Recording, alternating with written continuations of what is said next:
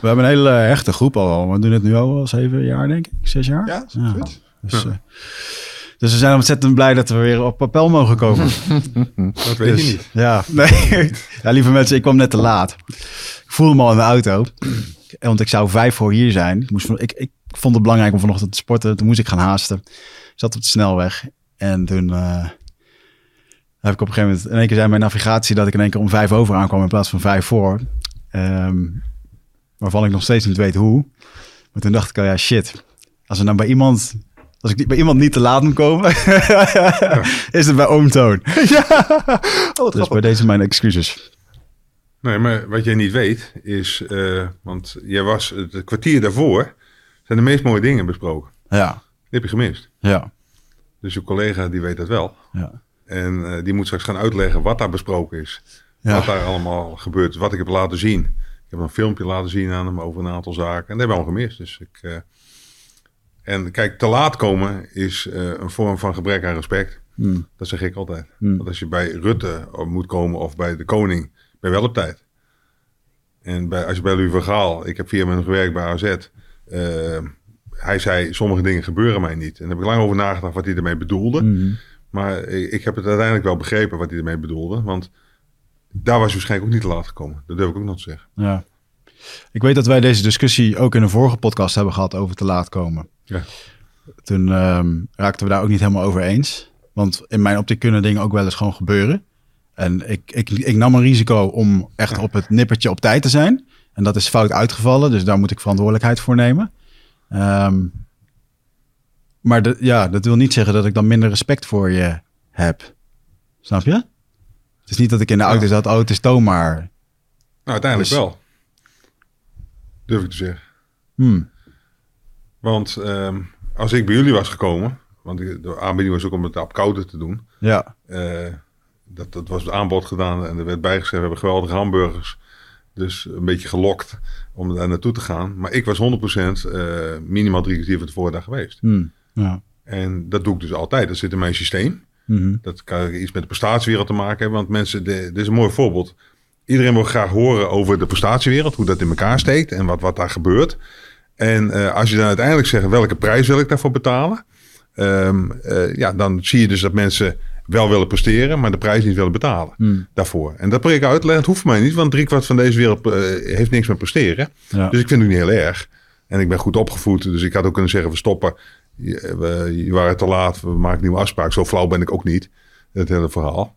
Maar ik, ik stel het altijd discussie. En het mooie van het hele verhaal is dat ehm, over het algemeen, ik zit hier nu eens het achtste seizoen bij PSV.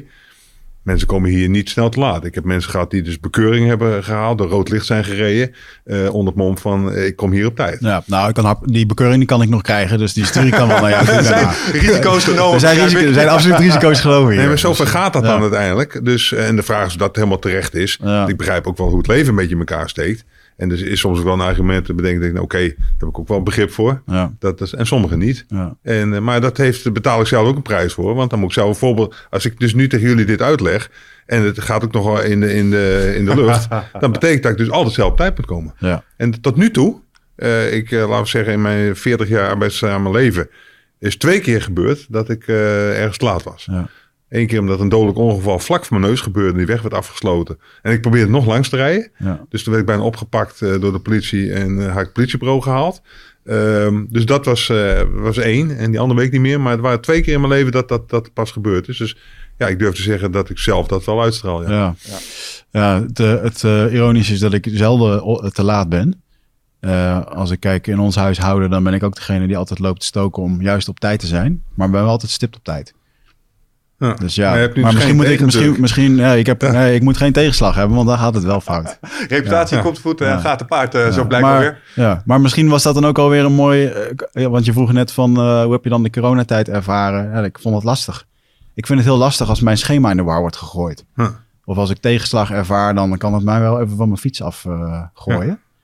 Dus Ja. ik, eh, misschien is dat wel een mooie synoniem. Ja. Metafoor. Maar maak je geen zorgen, want eh, je- ik ben er ook niet ongeschonden vanaf gekomen.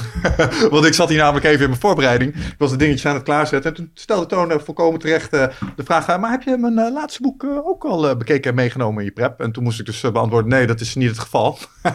en daar vond hij ook wat van. En eh, Ja. ook volkomen terecht. Maar ik heb inmiddels eh, heb ik er eventjes in kunnen spieken... en eh, toch nog een paar mooie dingen uit kunnen halen. Maar eh, eh, we hadden allebei eventjes een, eh, Hmm. een puntje Nee, van maar de- de- we hadden ook een discussie van tevoren over... eh, kijk, ik heb dit gesprek ook voorbereid op mijn manier. Mhm. Eh, en niet in de zin... Kijk, jullie gaan de vragen stellen. We gaan kijken welke kant dat op gaat. We kijken waar het eindigt. Dat is het leuke. Dus eigenlijk moet je niet te veel voorbereiden... want dan is een deel van de spontaniteit af. eh, enzovoort. Maar aan de andere kant eh, dacht ik... oké, eh, als warming-up voor mezelf...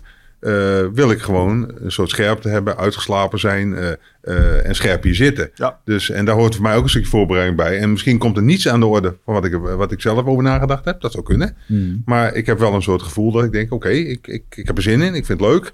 Ik, je komt nu voor de derde keer hier langs. We- Dus en dat was, hebben we een soort relatie hier langzaam opgebouwd met een paar uitdagende dingetjes soms. Wat challenge, wat uitdagen. Dus de mensen die de andere podcast van ons ge- geluisterd hebben, ja, die weten ongeveer een beetje wat Ja. er kan gebeuren en hoe het zit. Dus ik, eh, ik ben ook wel benieuwd. Dus ik eh, kijk en voorbereiden. En dat, dat bedoel ik dus gaan we over presteren praten. Ehm, als ik een interview zou voorbereiden, eh, met, met, in dit geval met mij, dan zou ik even kijken van wat, wat heb ik gemist, wat, eh, wat is er gebeurd, hoe zit het? Nou, jij, jij mist dan een of twee laatste boeken van mij. Ja, dat zou me ook niet gebeuren. En eh, ik zou die boeken kopen, lezen, doen, voorbereiden en mij daar vo- volledig mee onder druk zetten.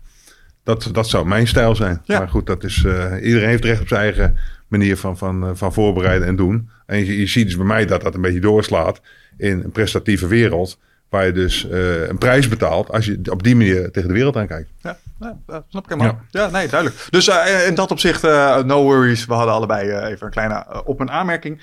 Maar tegelijkertijd zei ik ook al, ik ben er ook blij mee. En het typeert je stijl ook. Want daar hadden we het in de voorbespreking ook al even over. En ik, ik bewonder dat heel erg. Heel vaak worden dit soort dingen gewoon een klein beetje toegedekt onder de man van de liefde. Ah, dat is oké. Weet je, Ja. laten we het er maar niet over hebben. Maar het wordt hier geëxpliciteerd. En dan moet je, moet je gaan uitleggen waarom het eigenlijk zo is. En dan mag je onderzoeken wat er dan gaande is. Ehm, en dat is soms wel interessant. Dus dan kun je dingen dat, dat is ook het voordeel van deze serie, vind ik, als ik heel eerlijk ben. Want de reactie die ik van mensen kreeg uit de eerste twee eh, die opgenomen zijn.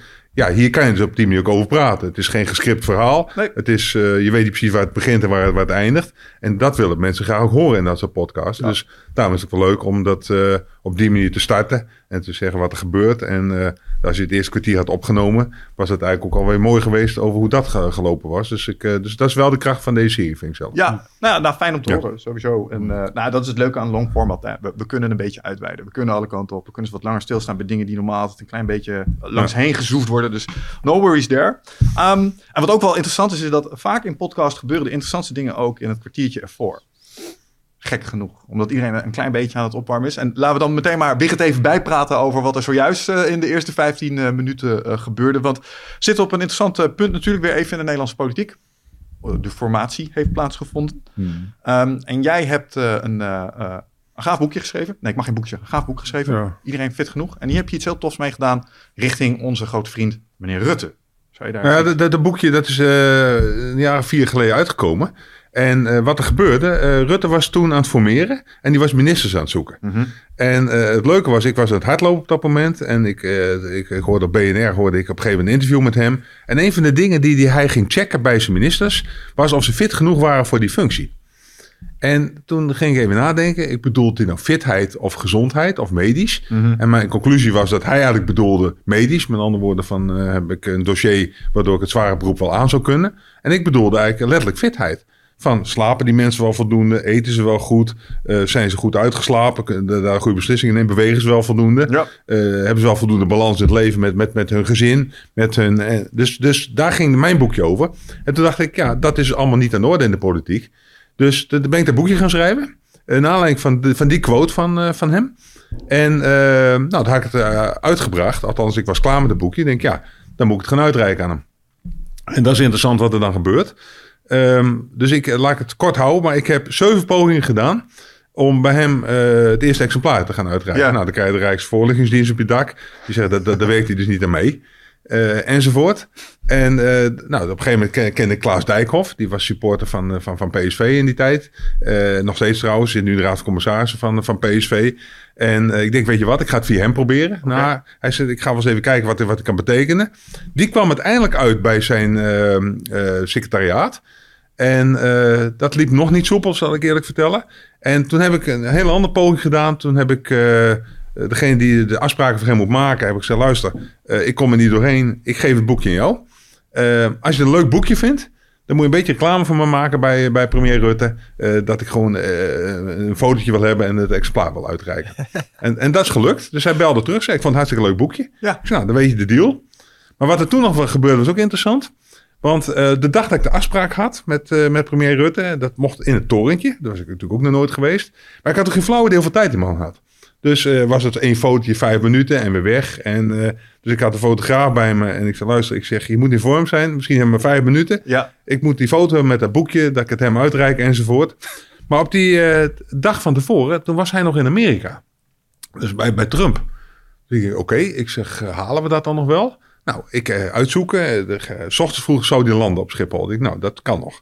Daarna was er een extra kabinetsoverleg over Groningen. Dus daar, oké, ik ben afgebeld. Niet. En toen had hij smiddags nog een lunch met uh, Theresa May uit, uit Engeland. En ik denk, ja, het zal me wel. Eh, waar pas ik in dat schema? Maar het werd niet afgebeld. Dus ik naar Den Haag toe. En eh, wie kwam op een gegeven moment aan op zijn fiets? Premier Rutte. Hoppa. En nou, die ging naar, naar boven toe. Ik mocht naar boven toe. En ik, ik kwam daar en ik had hem nog nooit echt ontmoet. Hij zei, nou, Toon, leuk dat je er bent. Dus dat was heel familiair. dat was wel bijzonder, vond ik al. Hij zei, heb je zin in een kop koffie? Toen dacht ik, nou, dat is mijn eerste kwartier. Dus ik denk, een kop koffie, dan ben ik zomaar niet weg. Dus eh, dat is mooi. en, eh, en die fotograaf was erbij. En lang verhaal kort maken. En eigenlijk heb ik daar een uur gezeten. En die foto is natuurlijk gemaakt daar. En eh, ja, dat was echt een heel leuk gesprek. En ik ben ook achtergekomen dat als je praat over eh, fitheid van, van mensen, hij doet dat goed. Zal ik eerlijk vertellen. Dus in het gesprekje toen we het erover hadden van eh, balans zoeken in je leven, eh, af en toe naar klassieke muziek luisteren, boeken lezen, eh, af en toe voldoende slapen enzovoort. Ja, ik heb daar de indruk echt gekregen. En hij houdt niet voor niks lang vol, durf ik hier te vertellen. Nou, toen heb ik inderdaad een boekje daar uitgereikt, foto gemaakt. En gezegd, ja, nou, alle ministers en staatssecretarissen zijn welkom met de, die wil ik een boekje wel even geven. Ehm, nou ja, dan krijg je nog te maken met spelregels. Dat als het boven een bepaald bedrag uit, eh, uitkomt, Ja. mag het allemaal niet natuurlijk in Nederland. Dus, maar goed, uiteindelijk laat ik het er kort op houden. Heeft iedereen natuurlijk wel zijn boekje gekregen. Iemand heeft dat er keurig neergelegd eh, en klaar. De, maar we hadden in het voorgesprek hadden we het erover. Er komt weer nieuwe informatie. Hmm, mhm. En ik heb er een doos staan van 50 boeken. Ja. En toen ging het over uitdagen enzovoort. Ik zei, ik heb een leuk onderwerp voor jullie. Ik zeg, ik stuur die doos naar jullie op. En eh dan moeten weer nieuwe ministers worden gezocht. Alles wat erin staat is nog actueel. Over fitheid eh, gesproken. Dus, eh, daar- je- althans, jij was er niet, maar je collega heeft de uitnodiging aangenomen door die 50 boeken aan te gaan bieden aan premier Rutte. Oh, wauw. Dus dan moeten we binnenkort naar Den Haag, jongen. Nou, dat is goed. Ik heb nog wel een woordje te kletsen Dan met kunnen we nog wat andere onderwerpen bespreken. En hoe, je, hoe je doet, moet je over gaan Ja. nadenken. Ja, of je ja. daar gaat staan op het plein of het gaat uitreiken. Eh, hij, ik denk dat hij wel weet Nou, waar het boekje vandaan komt en hoe het Ja, gegaan is vorige keer. ja, zeker, ik wel. zeker. Ik heb nog een fotootje heb ik laten zien in dit torentje. Hmm. Dat hij dat boekje eh, heeft bekijkt. En ik heb een hartstikke leuk uur gehad, zal ik Ja. eerlijk vertellen. ja. Meneer Rutte, Maar meneer Rutte. Toon Sentas. Hè? Toon Sentas. Maar da- dan vind ik het wel interessant om even het, het, het koppelingetje te maken. Want als we het dan hebben over integer leiderschap. En ehm, ik, ik begrijp dat jij, hè, je hebt ook een soort van relatie met Rutte. Je hebt daar een uurtje gezeten. Dat is leuk. Je hebt daar een goede herinnering aan. Maar mijn beeld van meneer Rutte ehm, is niet eh verpositiefd in de afgelopen jaar. En wat ik nu helemaal niet begrijp, en waar volgens mij een voetbalcollega een mooie opmerking over maakt, was dat Gullit. Die zei, als er een slechte coach is, die hetzelfde blijft presteren, dan haal die coach weg. Dan komt er een nieuwe landskampioen wordt. Ja, dat, tenzij die, ja, is dat een regel? Ja, nee, als je Oké. elke landskampioen presteer je ook hetzelfde. Ja, oké. Maar, zitten. maar snap je mijn haakje naar... eh, we zijn nu een nieuwe formatie met dezelfde mensen... die er eerst een puinhoop van hebben gemaakt. Dan, ze zeggen dan, ja, het gaat helemaal nieuw met dezelfde mensen. En ja, mijn, ik geloof daar niet meer in. Nee, dat, dat kan. Kijk, eh, luister, ik zit in een wereld waar eh, iedereen een mening heeft over, over deze club, over mij, over de coach, over de wissels, over alles wat je dus, eh, wat je dus doet. En ehm, kijk, wat, je, wat, je moet, wat, wat ik heb moeten leren, is je ziet wat je wil zien. Jouw mening is, is akkoord, Ja. dus dat, dat zie je zo. Nou, die mening mag je hebben. Ehm, dat, dat, dat maak ik elke dag mee. Dat mensen iets vinden van eh, hoe, het, hoe, het, hoe het in elkaar steekt en niet. En soms heeft het met politiek achtergronden te maken. Soms heeft het met mensbeelden te maken. Enzovoort. eh, dit is wat het is op dit moment. Eh, ik heb die hele politieke formatie gevolgd. Ik ben krantenlezer. Ik, ik zie wat er, ongeveer, wat er ongeveer gebeurt. En de rest krijgen we niet bij elkaar. En dit is wat het op dit moment is. Of het met dezelfde mensen gebeurt, weet ik niet. Ja, dezelfde premier waarschijnlijk. Dat durf ik nog wel te zeggen hier. Eh, maar welke ministers er komen, welke posten ze komen, hoe het in elkaar steekt.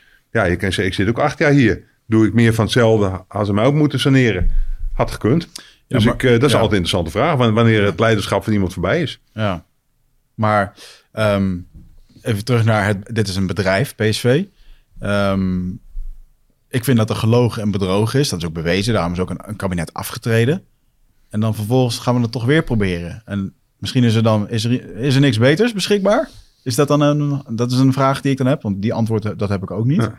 Maar ik vraag me af, als, als u hier zou liegen en bedriegen en dat zou uitkomen, dan, dan ga je weg uit een soort van, nou, uit een soort samurai gevoel van, nou, mijn eer te na, dan ga ik, oké, dan neem ik dat verlies en dan ga ik, weet je wel. Zo zie ik Ja. dat een beetje. Maar misschien is Nee, maar mijn- het, het is interessant. Voor mij gaat het dieper. Want die vraag moet ik mezelf ook elke keer stellen. Hmm. Van, eh, ik heb 12 jaar AZ gedaan. Ik ben 20 jaar volleybalcoach geweest. Ik heb allerlei banen gehad in mijn leven.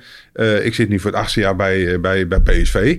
Dus je moet elke keer weer dezelfde vraag stellen. Van, ben ik de goede man op de goede plaats? Ja. En kijk, het wonderlijke in onze wereld is natuurlijk dat daar eh 80 eh, analisten op zitten die daar iets van vinden. Of ze nog gelijk hebben of niet. Ik heb een raad van commissaris waar ik elk jaar mee dit, dit, dit issue ga bespreken. En daar ben ik ook heel makkelijk in. Eh, ik vind ook dat we elk jaar die discussie moeten voeren of ik de goede man ben voor deze organisatie. Ja. En het, het, wonderlijke natuurlijk is dat de politiek geen raad van commissaris heeft. Eh, ik wel. Ik heb een aantal grootheden in mijn raad van commissarissen zitten. Eh, grote ondernemers, grote mensen die wat bewezen met leven. Waar ik op een geweldig niveau, als je mee zou luisteren met, met die podcast, met die gesprekken, dat is geweldig.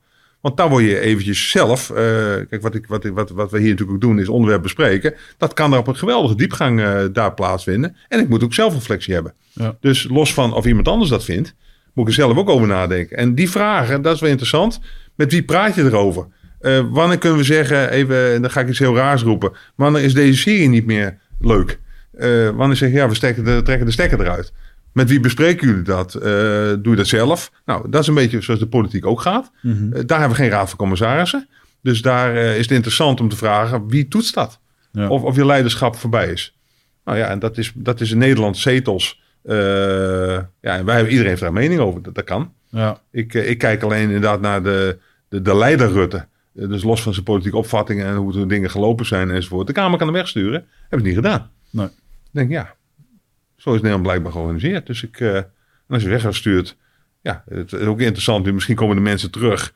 Eh, Kaag bijvoorbeeld ook, een mooi voorbeeld. Ja, die is daar weg en die is, komt weer terug, ja of nee. Wil ze dat of gaat ze in de Kamer zitten? Ik ben benieuwd. Hmm. Ik, ik volg dat met heel veel belangstelling. Hmm. En ik, ik kijk daar echt vanuit leiderschapsprincipes. Kijk ik daarnaar. Dus niet vanuit politieke standpunten. Ja. En, ehm, ja, en, als, en als jij zegt van ja, ze hebben dingen verteld die klopt of gelogen of weet ik het allemaal niet.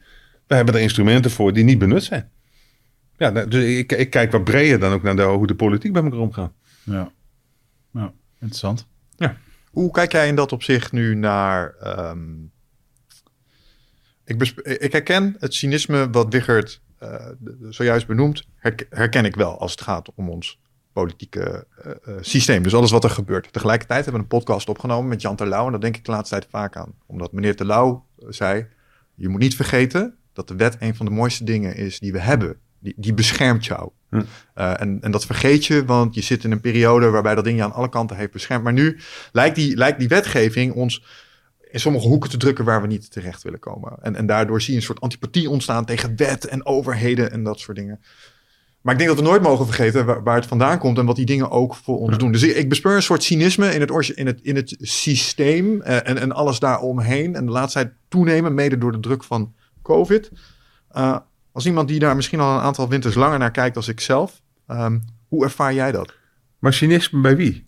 Want ehm, wat, wat ik dus zelf be- beproef, is dat, eh, en dat is over het algemeen, eh, is dat geldt dat voor meerdere omgevingen trouwens, ik nu ga vertellen, bij een kleine minderheid.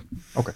Dat vind ik. Ja, Want eh, kijk, ik weet niet hoe jullie aankijken tegen vaccineren of niet vaccineren enzovoort. Vind ik ook niet zo heel interessant. Maar eh ieder mag zijn eigen mening daarover hebben. Over hoe hij daar tegenaan kijkt, of hij het wel of niet doet. Ik ben er heel makkelijk in. ik volg blind op wat eh, deskundigen vinden. Dus als ik vier keer gevaccineerd moet worden, ik ben nu twee keer gevaccineerd. Ik, ik heb de, de wereld aan PCR-testen moeten doen in deze voetbalwereld. dus dat ging wel soms twee keer per week. Dat, dat doe ik blind. Ja. Dat denk ik, nou, dan komt de booster eraan. Nou, ik heb me aangemeld paar dagen geleden. Moet ik een maand wachten voordat, eh voordat, voordat die erin gaat. Ja, ik denk dat had je ook anders kunnen organiseren. Dat, ben ik, eh, dat, dat, Ja. Ik vind dat daar veel dingen fout gaan in de Ja. organisatiegraad. Ja. hoor, kan ik je vertellen. Maar ik laat dat er blind inzetten. En eh, ik volg dat blind op. En de regels ook. Kijk, iedereen heeft in die coronaperiode, dat is interessant, eh, er is van alles gebeurd. En er is heel veel emotie, vind ik, in die, in die wereld van corona.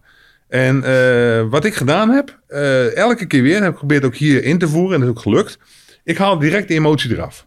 Dus je kan er iets van vinden. Eh, je kan zeggen met eh, 2G, 3G, eh, alle dingen die straks in de wet wel of niet worden geregeld, zoals Jan Terlouw dus zei. Overigens, de wetgeving moet ik even één ding over zeggen, loopt altijd achter de realiteit aan. Ja. Dus wij bedenken pas wetten op het moment dat iets niet klopt of dat we vinden dat we het even moeten reguleren. Eens. Dus, dus je zit altijd in een vacuüm tussen huidige situatie en wetgeving. Dus ik ben met Jan Terlouw eens in dat opzicht. Maar ik weet ook dat er een vacuüm zit in die periode. En dat is, dat is lastig. En daar heeft iedereen een mening over.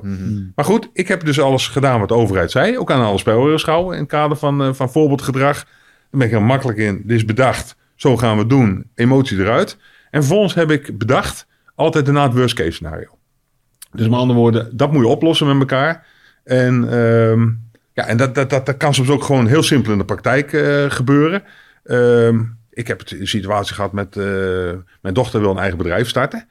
En eh, dat vond ze spannend. Ze werkt in het onderwijs. Ze wilde voor zichzelf beginnen. En eh, dan stel ik haar de vraag, wat is het ergste wat hier kan gebeuren? Nou, ze zegt dat er geen opdrachten komen. Zeg, oké. Ik zeg, en dan? Ik zeg, had ze had een vriend. En eh, ik zeg, kan je van één salaris leven? Ja, ze zegt, dat kan ik. Zeg, nou, waar maak je dan druk over? Mhm. Dan moet je zorgen dat je vriend niet wegloopt. Dat, dat is het enige wat, wat dan belangrijk is. Nou, begon ze te lachen en ik heb dat tegen die vriend ook nog gedeeld. Ja, daarna start ze haar bedrijf en daarna is het volgende probleem dat ze na een maand of drie, eh, hoe heet het, eh, vol was Ja. met opdrachten. Nou, dat is het volgende probleem. Nou. Eh, dus daar gaan we het dan wel over hebben met elkaar even. Maar wat ik dus doe, is worst case scenario regelen. Dus wij gingen zonder publiek spelen hier, om een voorbeeldje te doen. Iedereen in emotie. Ik zeg, nou, ik zeg, dat mag een dag. Ik zeg, daarna maken we er een feit van, we spelen zonder publiek. En hoe gaan we het oplossen? Nou, dat kan ons 40 miljoen kosten. Als je sponsoren moet betalen en seizoenkaarthouders. En dan gaan we daarna met z'n allen aan de slag om dat eh, iets beter te maken voor een club als PSV. Dus elke keer eh, haal ik binnen 24 uur die emoties af. En dan, en dan maak ik er een feit van, dan ga ik door. Ja. En dan, eh, dus, dus we hadden het net over van, ja, er gebeuren dingen. som- sommige mensen uit de cultuurwereld mogen niet meer optreden. Lezingen worden allemaal geschrapt, evenementen worden geschrapt, alles gebeurt er. Mhm. Nou, dat is bij mij 24 uur. Maak ik een feit van, denk oké, dus ik heb wat meer tijd.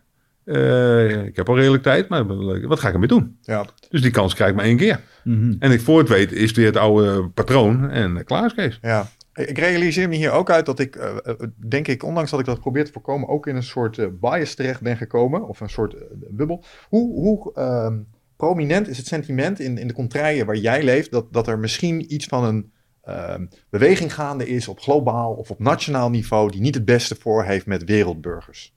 Want dat is een sentiment dat leeft. En ik zie dat sentiment Ja. best wel vaak terugkomen. Maar ik realiseer me ook dat is een, misschien wel een minderheid die wat luider is, is als gemiddeld. En als ik jou dan zo beluister, je maakt je nul zorgen over een dergelijk motief. Overheid heeft het beste met mij voor. Ze maken fouten, Ja. maar dat mag. Ja. Ehm, denk ik, ja, volgens mij is dit het sentiment dat bij het overgrote deel van de bevolking leeft. Of herken je dat andere sentiment ook wel? Ja, dat herken ik ook wel. Maar kijk, het, het verhaal is zo... eh, kijk, waar ik me echt aan irriteer als je praat over leiderschap... eh, je hebt dan een OMT. En dat OMT zitten dan allemaal deskundigen in... die voor ons bepalen wat er moet gebeuren enzovoort.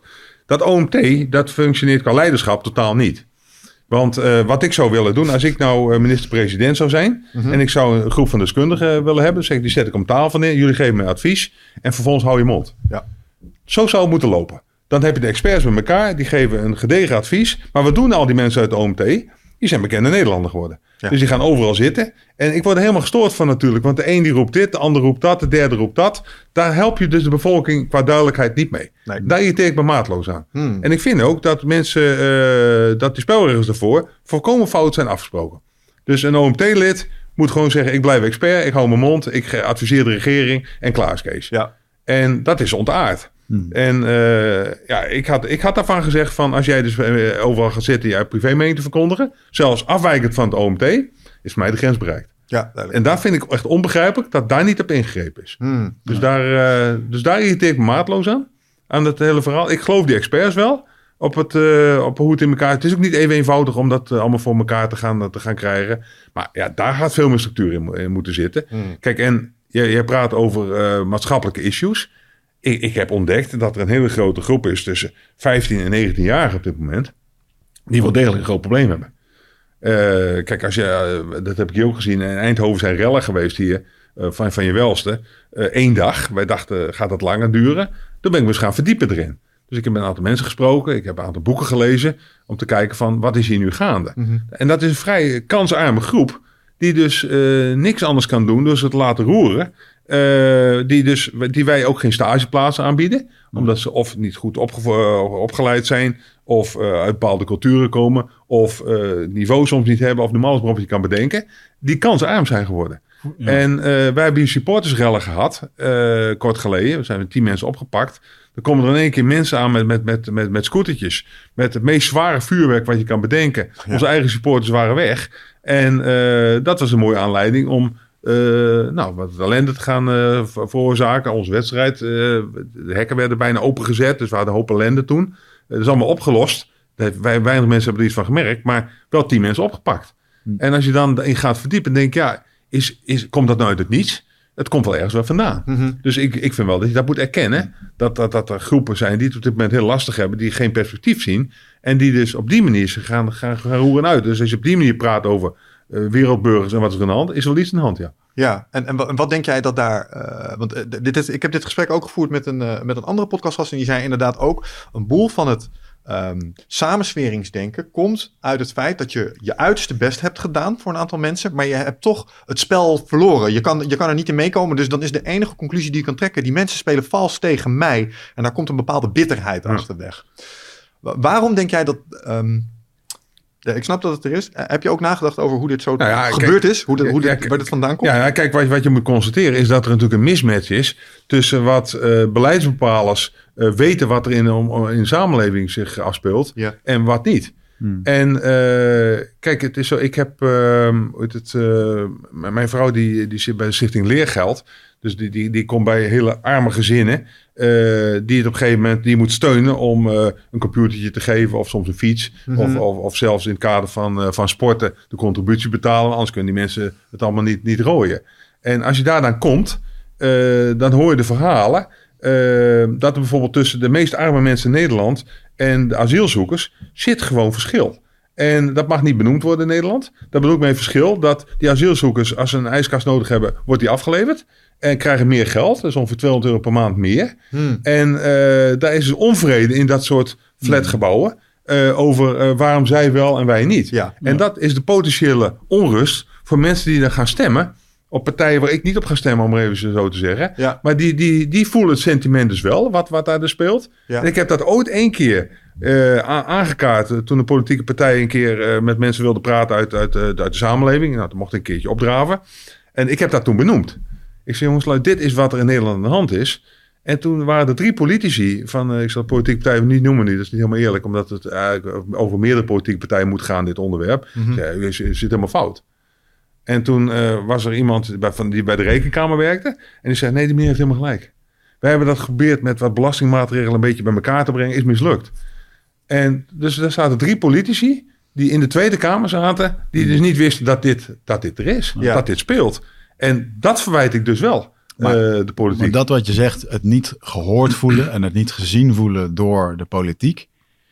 En waar ik, me, waar ik persoonlijk, hè, mijn, wat ik wel het eerder over, mijn agenda was leeggeveegd. Dus ik als spreker, ik viel een beetje tussen wal en schip. Ik kreeg ook geen toeslagen, want andere dingen gingen dan wel weer goed. Dus ik, ja, ik moest dan maar een beetje te, te zweven in het midden. En toen zat ik te kijken naar die politiek en dacht ik, ja, die krijgen gewoon aan het eind van de maand een paycheck. Die voelen hem niet, weet je wel. En als, wat als, er, zit, er zit zero skin in the game. Ja. En dat, dat, dat, ja, soms lijkt het wel eens alsof, alsof ze gewoon niet voelen wat er dan in de, in de, in de samenleving speelt. Nee, maar jij geeft nu een mooi voorbeeld van wat emotie.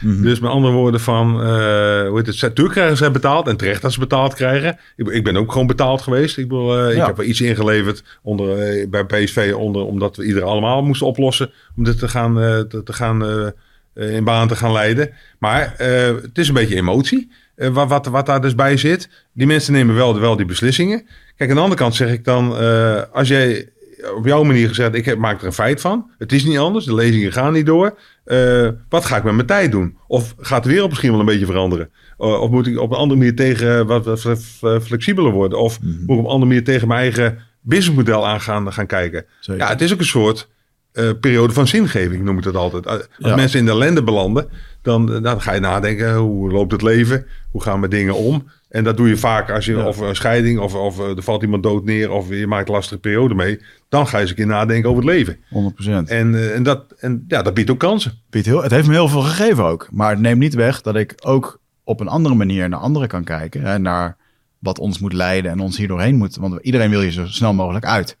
Ja. Bijvoorbeeld dat over niet investeren in de zorg. Ja, dat, daar kunnen we nu geen mensen voor hebben. Nee, maar ik wil graag dat we nu investeren in de zorg, zodat we over anderhalf jaar of twee jaar hieruit zijn. En niet over anderhalve eeuw. Ja. Zo voelt het een beetje. Maar dan moet je ook de politiek in gaan. Ik heb laatst een brief gestuurd naar de politiek.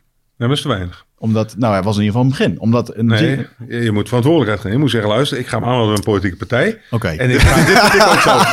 dat, dat, ja, ja daar ben ik het mee eens. nee, want dan ga dat zou ik, misschien ga ik op je stemmen. Dan denk ik, nou, een goede kerel, die wil wat, wat gaan bereiken. Oh. En die gaat die kleine invloed in de, in, de, in de Kamer of in de politiek, ga ik anders doen. Nou, en ik, ik denk dat als je dat slim doet, dat je nog heel wat mensen achter je zou kunnen krijgen. Daar ben ik echt van overtuigd. Ja, het is, Kijk, en het over anderhalf jaar de, de zorg regelen. Uh, ja, voor mij gaat dat in mijn beleving, uh, zoals ik het eraan kijk, ik weet het niet precies. Uh, waar dat op vast zit. Zit dat op een gebouw vast, wat ziekenhuis heet? Zit dat op een personeel vast? Personeel. Of hadden wij moeten zeggen, luister, we zitten in een soort rampenscenario nu eventjes. We hadden anders moeten oplossen. We hadden misschien wel de jaarbeurs moeten inrichten. Op een bepaalde manier om dingen op te vangen, zodat de rest van de zorg een beetje doorgaat. Maar nou begeven we op glad ijs. Dat realiseer ik me, want dan ga ik dus politieke standpunten, ja. keuzes maken. het gaat altijd weer ten koste van, van iets anders. Ik weet het niet precies. Ik, ja. uh, en maar, nogmaals, iedereen mag ik, daar een mening over hebben. Ik ben het met je eens, ik, want ik roep nu ook natuurlijk een hoop op emotie in wat ik heb gelezen. En ik snap ook wel dat ik een beeld heb gevormd wat een waarheid is. En dat er meerdere zijn. Um, ja, maar... Uh, ja. Weet je waarom het goed zou zijn, denk ik? Om de politiek in te gaan voor jou? Niet omdat je verandering teweeg gaat brengen, maar om twee redenen. Ten eerste, je gaat erachter komen dat politie ook gewoon mensen zijn. Dus dit zijn mensen die proberen gewoon problemen op te lossen vanuit allerlei invalshoeken. En dus ik denk oprecht dat als ik naar mensen kijk zoals een Rutte en dan die dat zijn geen satanisten of zo. Hè? Dat zijn gewoon mensen die proberen iets op te lossen. Dat is één. Ja, dat begrijp ik. En twee, ik, wat, ik, wat ik ook denk dat je gaat leren is dat er zijn bepaalde gebaande paden daar die je niet van de een op de andere dag omgooit, waardoor ze soms niet anders kunnen als bepaalde keuzes maken, omdat die muren doorbreken. Uh, te veel frictie met zich meebrengt. En dat, dat zul je geleidelijker moeten doen als je het systeem ja. van... Tenminste, dat is, dat, ik, dat, denk, dat is waarom ik denk dat dat misschien wel inzichtelijk zou kunnen ja, zijn. Ik denk, dat deze, ik denk dat deze heren vooral heel erg gevangen zitten in het politieke stelsel. Want je had het net over Jan Terlouw. Die zei toen inderdaad, hè, we moeten de, de, de vreugde van de wet moeten we ervaren. Maar laatst zat hij ook in een programma waarbij hij zei... wat er nu in de politiek gebeurt, gebeurde in mijn tijd niet. Dat je dat te liegen... En dan, dan treed je gewoon af, dan ging je weg. En nu kan je gewoon terugkomen. We ja, pikken dat ja, gewoon. Ja, ja. ja maar vroeger was het allemaal niet beter. Ik bedoel, dat, uh, want dat is ook altijd een uitspraak. Ik, ik, uh, goed, ik irriteer me ook wel eens aan een aantal mensen die dan geen verantwoordelijkheid meer dragen. Die dan als een soort analist uh, in, in al die programma's gaan lopen, gaan zitten. Ja. En ja, ik had laat bewegen op zondag zag ik weer, weer iemand. Dan denk ik van jongens, waar hebben we het allemaal over? En die, die is 82 en die gaat dan vertellen over uh, waarom het CDA niet klopt en waarom Hugo de Jonge niet moet terugkomen. denk ik, ja, kijk, daar, daar kan ik ook niks mee, kan ik eerlijk vertellen. Of je neemt verantwoordelijkheid en dan mag je daar gaan zitten en dan, uh, mm. ja, dan heb je, ben je ook afrekenbaar, om maar zo te zeggen. Ja. Ik, ik maak natuurlijk dat soort dingen dagelijks mee. Dat 80 mensen zonder verantwoordelijkheid allemaal zitten wachten of iemand over een bal heen duikt of een bal uh, schiet erin. En uh, nou, nu op dit moment staan we met, met PSV bovenaan. En iedereen vindt dat weer ten onrechte. Nou, oké, okay, uh, veel succes. Dat interesseert me echt niks over hoe dat, uh, hoe dat zit. Het is wat het is op dit moment. En uh, blijkbaar doet de rest het niet beter, want anders staan die bovenaan. Ja. En dat is ook wel grappig hoe, dat, hoe iedereen daar mening over heeft. Nou, het is een grappige um, analyse die je daar overheen legt. Want ik voel me af en toe wel eens die, die toeschouwer in het stadion... die dan loopt te roepen naar de politiek. Maar eigenlijk ook wel een beetje zelf helemaal geen snars van voetbal snapt. En, en wel met een hoop emotie erachter zit. Nee, maar dat mag ook. Ik bedoel, uh, als je ziet welke rol wij vervullen uh, in het kader van de emotie, uh, identiteit van, van mensen. Kijk, er zijn natuurlijk miljoenen mensen die PSV volgen. En elke, als er toeschouwers in mogen, 35.000 man in het stadion. Ja, en die, die tonen emotie. Dus de ene keer deug ik wel, de andere keer deug ik niet. De andere keer is de trainer het onderwerp, dan een speler die niet helemaal klopt. Prima.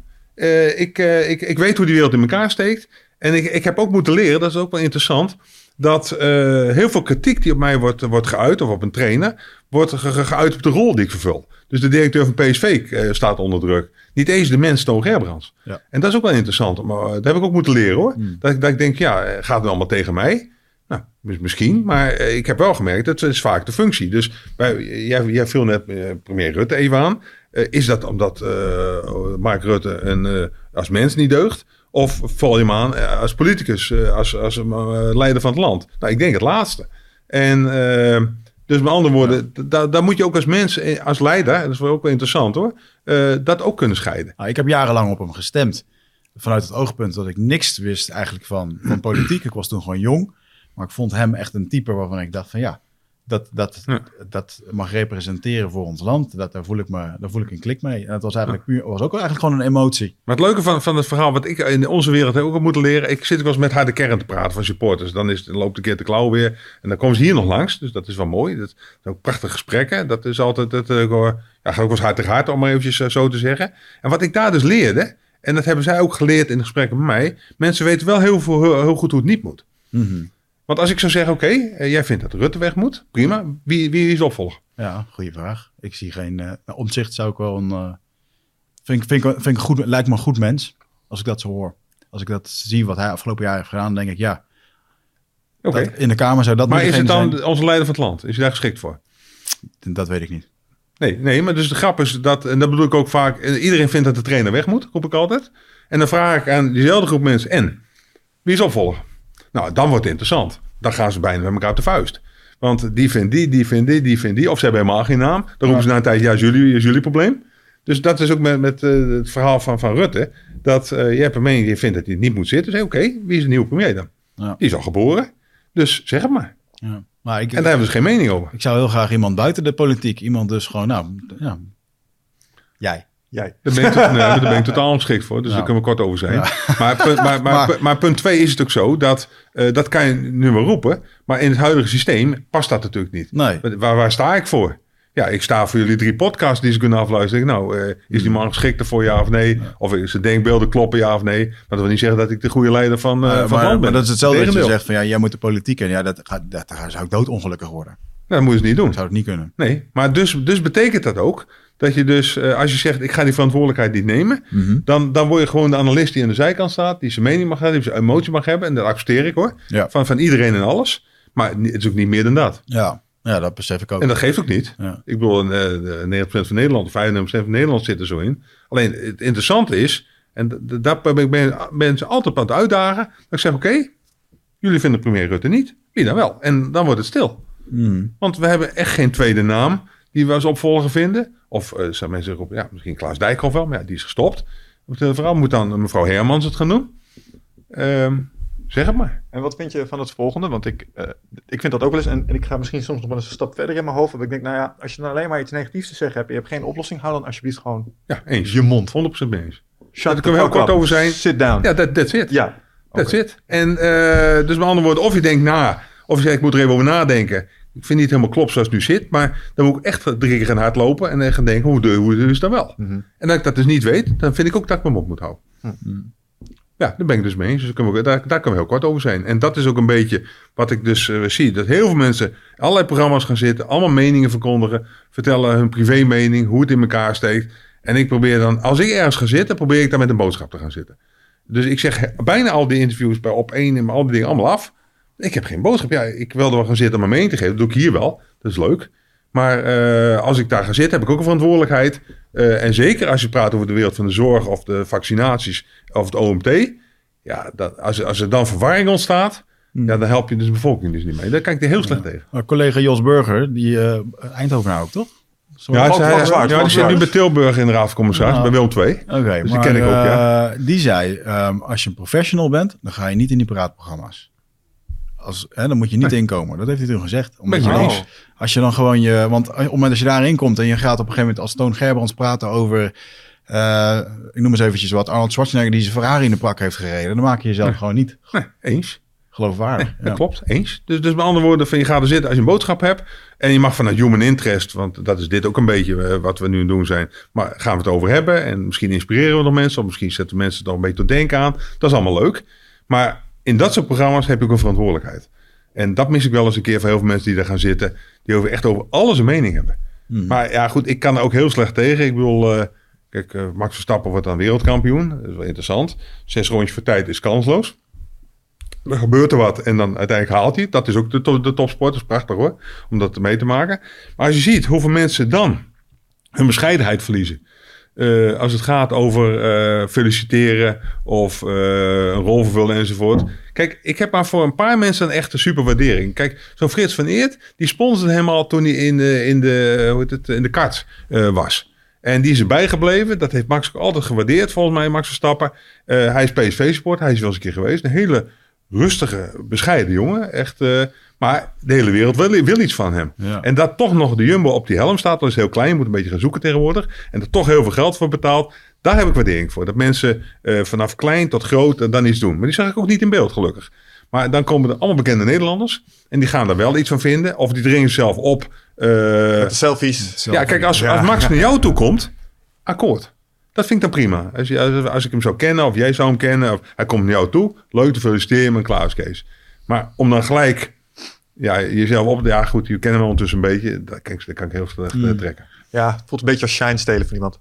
Ja, maar het gaat dus ook om die mensen. Ja. Dat, dat, dat bedoel ik dus. En dat, gaat, dat is ook een beetje de moraal van die programma's waar we het net over hadden. Daar ga je zitten. Gaat het om jou? Ja. Nou ja, dat mag van mij. Maar ja, dan, kan- dan, dan gaat het redelijk naar Het is narcisme. heel grappig dat jij dit noemt, want ik was afgelopen week, maar moet ik het even goed verpakken, bij de directie van een van de grootste commerciële televisiezenders. Daar werd dit besproken, dat een aantal bekende Nederlanders bij Max eh, daar eventjes heen gingen om, eh, Ja. ja, om te shinen met, eh, met dat. Maar je had ook gewoon kunnen zeggen, ik zat ergens en werd dit besproken. Maar je dropte even dat het een, tv-zender was. Wat ben je aan het doen, jongen? Nou. Want daar weet ik ook nog niks van. Ik wil toch even op inzoomen. Eh, nou, ik word, eh, ik word gecoacht door een van de directieleden daar. Ah. Dus dan weet je wie dat ja, is. nee, dan ben Oké, Nou. check duidelijk van. Dus, maar die maakt dus ook, eh, ja... Die zit oh, dus je gaat in- weer een programma maken. Nee, nee, die zit in de glamour-wereld. Nee, kijk, we hadden het net even over de politiek. Over dat ze af en toe de connectie missen met, met een deel van de maatschappij. Eh, ja, daar zou, we hebben nu over coaching. Ik vind dat eigenlijk iedereen een, een coach nodig heeft. ja. En eh, in een veilige omgeving, gewoon de deur dicht. eh, en dan eens een keer vertellen wat je ziet of hoe dingen in elkaar steken. Ja, dat zijn, dat, dat, dat zijn dan voor mij ook geweldige rollen, ga ik eerlijk. Dat, dat vind ik echt leuk om te doen. Maar dan volg je de maatschappij, dan volg je de politiek. En dan kan je tegen iemand een keer zeggen, luister even, hier gaat het niet helemaal goed. En eh, ja, als je dat in een veilige omgeving zou kunnen doen. Mhm. Ik denk dat daar grote winst te, te boeken valt. Wij hebben dan een RVC en een stichtingbestuur die dat bij, bij ons doen. En eh, waarom zouden de grote leiders van het land... Dat niet doen. eh, nee, precies. Wie coacht jou op dit moment? Ehm, het is zo dat ehm, ik heb eh, ooit voor gekozen om eh, dat te verdelen onder een aantal, aantal, aantal mensen.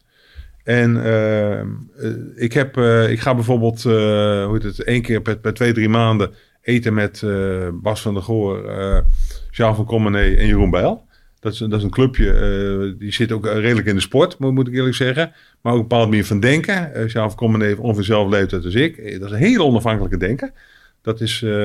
ik heb iemand in mijn eigen omgeving, Geert Wijnhoven. dat is iemand, ja, ik begin te lachen, maar die de zaak altijd op scherp zet bij mij. Dat als ik dan denk van ik heb iets goed gedaan, dan roept hij van dat het eh, veilige keuzes of, of, eh, of geen uitdagend verhaal is. Wat ik bij jullie een beetje doe, doet hij een beetje bij mij. Mhm. Om maar, maar zo te zeggen. En ik heb ooit een keer eh, met Louis van Gaal die, dat, dat ook besproken. Dat ik zeg van, word jij ook gecoacht? Dat kwam een keer op een businessavond aan de orde. Die vraag heb ik aan hem gesteld. En hij zei ja. Ik zei, maar wie is dat dan? Dus ik vroeg op dezelfde manier door als jij. En dus ja, hij zegt, "Dat- bij mij is het ook niet één iemand. Hij zegt, eh, ik heb wel eens dat ik eh, met mensen ook gesprekken aanga. Hij, zei, hij vertelt toen het verhaal ook van de, de, de, de staftafel. Hij zei, dan gooi ik wel eens een onderwerp op tafel neer... waar ik niet precies weet hoe het zou eindigen. Hmm. En eh, dan luister ik naar jou, en dan luister ik naar de fysiotherapeut en naar de assistent-trainer. Die hebben allemaal zinnige dingen. En dan ga ik er zelf over nadenken, gooi ik nog een tweede keer op tafel neer. Dus hij kiest er dan voor om niet het per- se één iemand te koppelen. Maar ik heb ook eens een keer een gesprek met hem gehad. Dat was jaren, belde hij op en toen was hij bij Bayern München. En hem een uur aan de lijn gaat. En achteraf dacht ik van, eh, dat was van twee kanten toen een beetje een coachgesprek. Daar kwam het onderwerp aan de orde. Toen ging het ook over mij, maar het ging ook over hem. En dus dat is niet bewust. Ik zeg, we hebben een sessie. eh, je moet je melden om eh, vijf uur en we Ja. gaan eens even zitten. Ja. Maar als je in je omgeving een aantal mensen hebt waar je dat mee zou kunnen doen, waar je een keer kan bellen of ik denk, verrek, ik wil eens even horen hoe die erin zit, hoe die eraan kijkt, is ook coaching. Ja. Dus het is niet per se, want heel veel mensen proberen dan een soort goeroe te ontdekken en één iemand en die weet precies hoe het in elkaar steekt. Ik geloof wel in meerdere meningen. Ja. Moet een beetje denken aan Napoleon Hill, het mastermind-principe. Ja, Dus daar waar twee mensen nadenken over een oplossing, Ja. dan eh, is het net alsof we drie zitten Ja. met vier, vijf. maar dit is eigenlijk ook een vorm van coaching. Dit, Ja, dit- nee, zo vat ik dat op. ik zat net te denken, ik een coach? nee, maar ook, ook naar jullie en naar mij toe. Want jullie stellen een aantal onderwerpen aan de orde. Eh, daar moet ik over nadenken. Daar moet ik iets over van- vinden. En het kan maar zijn, een van die onderwerpen, dat ik later na de, de komende dagen denk, verrek, hoe zit het nou en wat kan ik daarmee? Dus eh, als je wat langer met elkaar praat en het is langer dan een uur en er is oprechte interesse en er wordt een leuk onderwerp besproken, is dat altijd coaching. Ja. Altijd. Ja, interessant. Ja, want ik zat net te denken, heb ik eigenlijk een coach? Nou, anders als ze hier zo af en toe gecoacht worden, moet ik eigenlijk bekennen dat ik daar niet eh, een actief persoon voor heb. Of een, eh, een aantal mensen, eh, mits ik sommige mensen waar ik veel podcasts van luister mag meetellen. Want die, Nee, die hebben, mag je niet meetellen. Die mag je niet meetellen. Want, de, nee, want die, eh, want dat, daar zit geen interactie in. nee, dat is Als waar. Dat, is wat, dat zijn meer rolmodellen. Ja. Nee, precies. Dus dat is geen coaching. Nee, nou, Nee, dus, eh, dus, dus je moet eigenlijk gaan nadenken. eh, maar dan moet je eigenlijk terug naar iets heel simpels. En dat heb ik altijd met coaching eh, gehad als mensen mij belden. Ik zeg, wat is, wat is de vraag? Want waarom zou ik iemand kunnen coachen? Jullie denken, nou, de denkbeelden kloppen wel of kloppen niet. Dat is allemaal niet zo interessant. Maar ik, ik wil eerst de vraag weten. ja. Van wat is jouw vraag? En dan kan ik inschatten of ik degene ben die kan helpen. Of juist helemaal niet. Dus, eh, dus het is niet alleen maar een gesprekje voeren en kijken wat eindigt. Ik wil de vraag weten. Ja, nou, ik heb wel een paar vragen voor je. Want ik had natuurlijk eh, voor de podcast wel een paar dingen opgeschreven. Alleen ze waren heel erg eh Michel-centrisch als het ging om de dingen die ik wilde weten. Ehm, maar eh, eh, mag, ik een klein, mag ik in dat opzicht een coachingsvraag stellen? Zeker. Eh, die aansluit bij waar we het er straks over hadden. Want ik heb het je een aantal keren over zeggen. En ik vind het ontzettend knap. Een van, in de eerste podcast heb, jij ons het, heb, je, ons, heb je mij op het, het spoor van het stoïcisme gezet. Dus eh, beheersbaar, onbeheersbaar. Toen ben ik de Daily Stoic ben ik gaan lezen. Heb ik echt geprobeerd te integreren. Ik hoor jou nu een aantal keren al dingen zeggen die echt helemaal stoïcijn zijn. Het uitschakelen van emotie. Gaan naar het feit. Richten op het werk. Passions versus judgment. Ik, Ja. ik snap hem op papier helemaal. Ik vind het een van de moeilijkste dingen ehm, om te doen. Want ik zie mezelf in mijn, in mijn judge, in mijn passion schieten. Dus ik word bang, of ik word boos, of ik word gefrustreerd. En dat is niet een knop die ik zo eventjes kan aanraken om, eh, om de knop om te zetten of iets dergelijks. Lukt dat bij jou wel op die manier? Of heb Ja. jij technieken ontwikkeld om daar iets mee te Nee, doen? maar het, is simpeler als, als dit kan ik niet stellen. Bij elk van die issues moet je elke keer de vraag stellen. En elke keer weer, beheersbaar of onbeheersbaar. En als het onbeheersbaar is, Gewoon, is het weg. En eh, dat jij dat misschien niet wil, want dat is wat ik dus de, de, eigenlijk hoor. ah, oké. Jij wil dus van eh, op het moment dat het onbeheersbaar is, eh, wil je er toch nog over gaan nadenken. En dat mag van mij, maar dat kost je een paar jaar van je leven. Ja, dus Want- wat jij zegt, je, je, je denkt er niet eens meer over na. Nee. Ik, had, ik heb toen letterlijk geleerd, ik heb dat toen in de eerste, in de eerste podcast verteld, dat er een mapje was met eh sticker erop onbeheersbare Ja, zaken. ja. Nou, doe het voor jezelf. Maak een mapje onbeheersbare zaken. Ik weet niet waar je je druk over maakt. Je had het net over het wereldbeeld of over wereldburgers enzovoort. Dat zit mij, daar wil ik wel een keer over praten. Ik wil een kop koffie erover drinken, leuk. Maar ik maak er geen twee seconden druk over.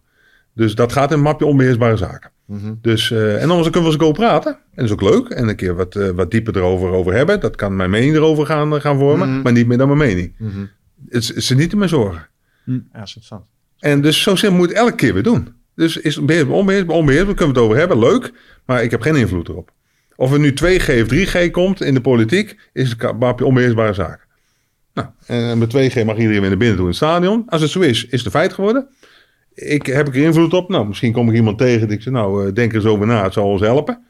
En vervolgens is het onbeheersbaar geworden. Ja, ja, ja, ja. En daar houdt het op dan. Daar houdt het Ja, letterlijk op. Ja, je mag, het, je, mag, en je mag op andere manier aankijken. Maar zo simpel is het. Ik- De, de, de tweede die ik heel makkelijk heb kunnen invoeren hier... is wa- waarom het feit dat jij te laat kwam... eh, is het verhaal van geen excuses. De, in deze organisatie, in topsportcultuur... als zijn er zes man gebaseerd... dan is dat een feit. Stel ik zes anderen op... ik heb niet voor niks 22 mensen eh, Ja. in mijn selectie zitten... dus moet ze aan de bak. En als iemand erop... ja, ik mis zes spelers... heb een excuus. Mhm. Nou, dus met andere woorden van... eh, eh, het verhaal is een beetje flauw wat ik nu doe, maar eh, te laat binnenkomen. Ik heb gesport, eh, de afslag ging, ging dus fout, een excuus. ja oké. En dat is dan prima. En, ja, nee, dus dat is een klein voorbeeldje. te geven. Ja, toen kun je zeggen, ik ga een uur later deze podcast doen. Dat Mhm. voorstel is niet gedaan. Dus had ik ja of nee tegen kunnen zeggen. Tegen de telefoon. Dat bedoel ik een heel klein beetje. Dus die twee dingen zijn heel simpel. Excuses is een excuus. Benoem het. Nou, daar leren mensen op den duur van. Want het, is- zo wordt ook niet geboren. eh, dat dat anders gaat. Maar het feit dat ik het nu benoem. Betekent dat volgende keer jij niet te laat komt. Dat weet ik 100% zeker. Nee, dat, had, dat voornemen had ik net al genomen. en dat, en is ook een vorm van teambuilding. Dat is eh, een voorbeeld in de praktijk hoe dat dan gaat. Ja. Het is niet zo erg dat het een keer gebeurt, maar je maakt afspraken met elkaar en op die manier is de zaak belast. En als ik een andere manager was geweest, ik had niks van gezegd, was, was volgende keer weer een kwartiertje ongeveer geweest. Nou, ook goed. Dat wil niet zeggen dat dat beter is van wat, wat ik ermee doe, maar het is gekoppeld aan mij. Dus jij stelde die vragen net over beheersbaar, onbeheersbaar.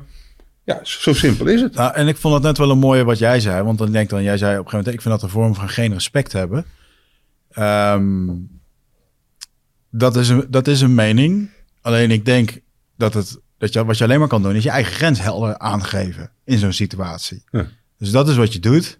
Waardoor, waardoor ik nu bij jou weet, oké, dit kader, ik ben nu bij een kader over een grens gegaan van, van toon. De volgende keer moet ik dat dus niet meer doen. Ja, of iets anders afspreken. Er zijn 80 oplossingen voor. Maar het leuke van het verhaal, en zo eerlijk moet je ook tegen jezelf denk ik zijn. Als jullie naar Rutte gaan, je hebt een afspraak om 10 uur. Waar je dan weer de gok?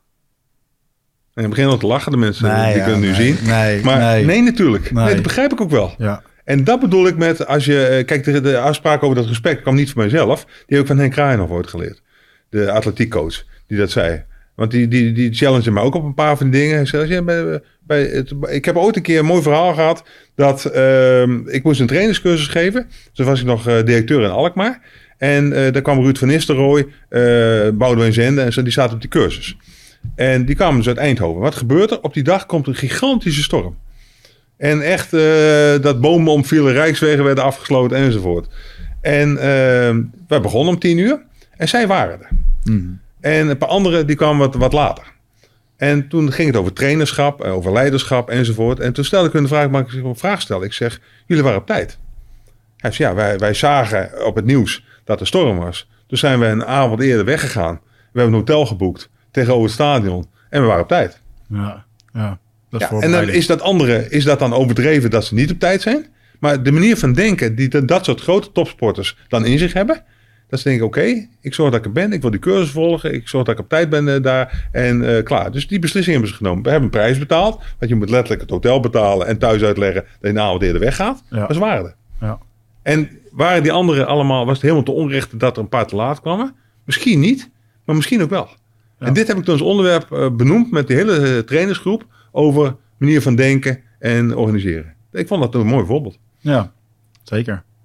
Je, ehm, ehm, de- stelling over voorbereiden uh, triggerde me even op iets wat je eh, voor de podcast ook zei. En dat had te maken met ehm, voorbereiden, maar niet te veel. En zeker in combinatie met hoogbegaafdheid. Ik zei van, daar moeten we het nog eventjes over hebben. Dus ik moest er even aan denken en ik wou hem nu Ja. toch eventjes... eh, Nou, het had niet zo echt met hoogbegaafd te maken, maar het verhaal van, van, eh, van mijn dochter, die, die, die, kwam net ook al even door, die is een bedrijfje begonnen om hoogbegaafden te, te, te helpen. ja, En ehm, nou, dus, dat is interessant. Eh, daar ga je een bepaalde filosofie in. Zij, zij is natuurlijk goed geschoold op al dat gebied. En heeft allerlei methodes hoe zij dingen kan oplossen. Maar die, die bagage zit wel in haar rugzak. En eh, het gevaar is dat als je dus eh, een interview gaat doen, dus hier, of, een, eh, of, of, of in haar geval een coachinggesprek, of iemand hulp bieden, dat je al iets bedenkt van je- een methodetje A, B, C, D, E. En toen zei ik een keer tegen haar, ik zeg, wat je eigenlijk moet doen, is helemaal nooit meer iets voorbereiden. Nou, dat was ongemakkelijk. Want dus dat betekent dat je nu je boek dicht moet doen met al je vragen. Ja. En gewoon zeggen, hoe gaat het gesprek? En ik zie wat er gebeurt. Ik luister goed. Ik sluit aan bij bepaalde dingen. En eh, ik heb voldoende bagage op mijn rugzak. Nou, zoveel eh, van die podcasts hebben gemaakt. Dat ik me daar wel veilig bij voel. En dat vond zij spannend. En dat begreep ik ook wel. ja En ook toch is het gaan doen. En eh, dat heeft haar, toen, ze, toen ik het er met haar over had laat, zoveel gebracht. Want dat betekent dat zij 100% de signaal oppakte van het kind wat tegenover haar zat. Die op, op, op zijn eigen of haar eigen manier begon met het gesprekje. En eh, zij had achteraf de, de zelfvertrouwen, ze zoveel eh, bagage had, dat als ze een bepaalde kant op zou gaan, dat zij wel wist hoe ze dat een bepaalde banen moest, moest gaan leiden. Maar eh, het is natuurlijk eh, grappig dat je dus eigenlijk alleen maar goed uitgeslapen moet zijn, goed gegeten hebt en, en in vorm ben- bent. En je gaat gewoon het gesprek aan.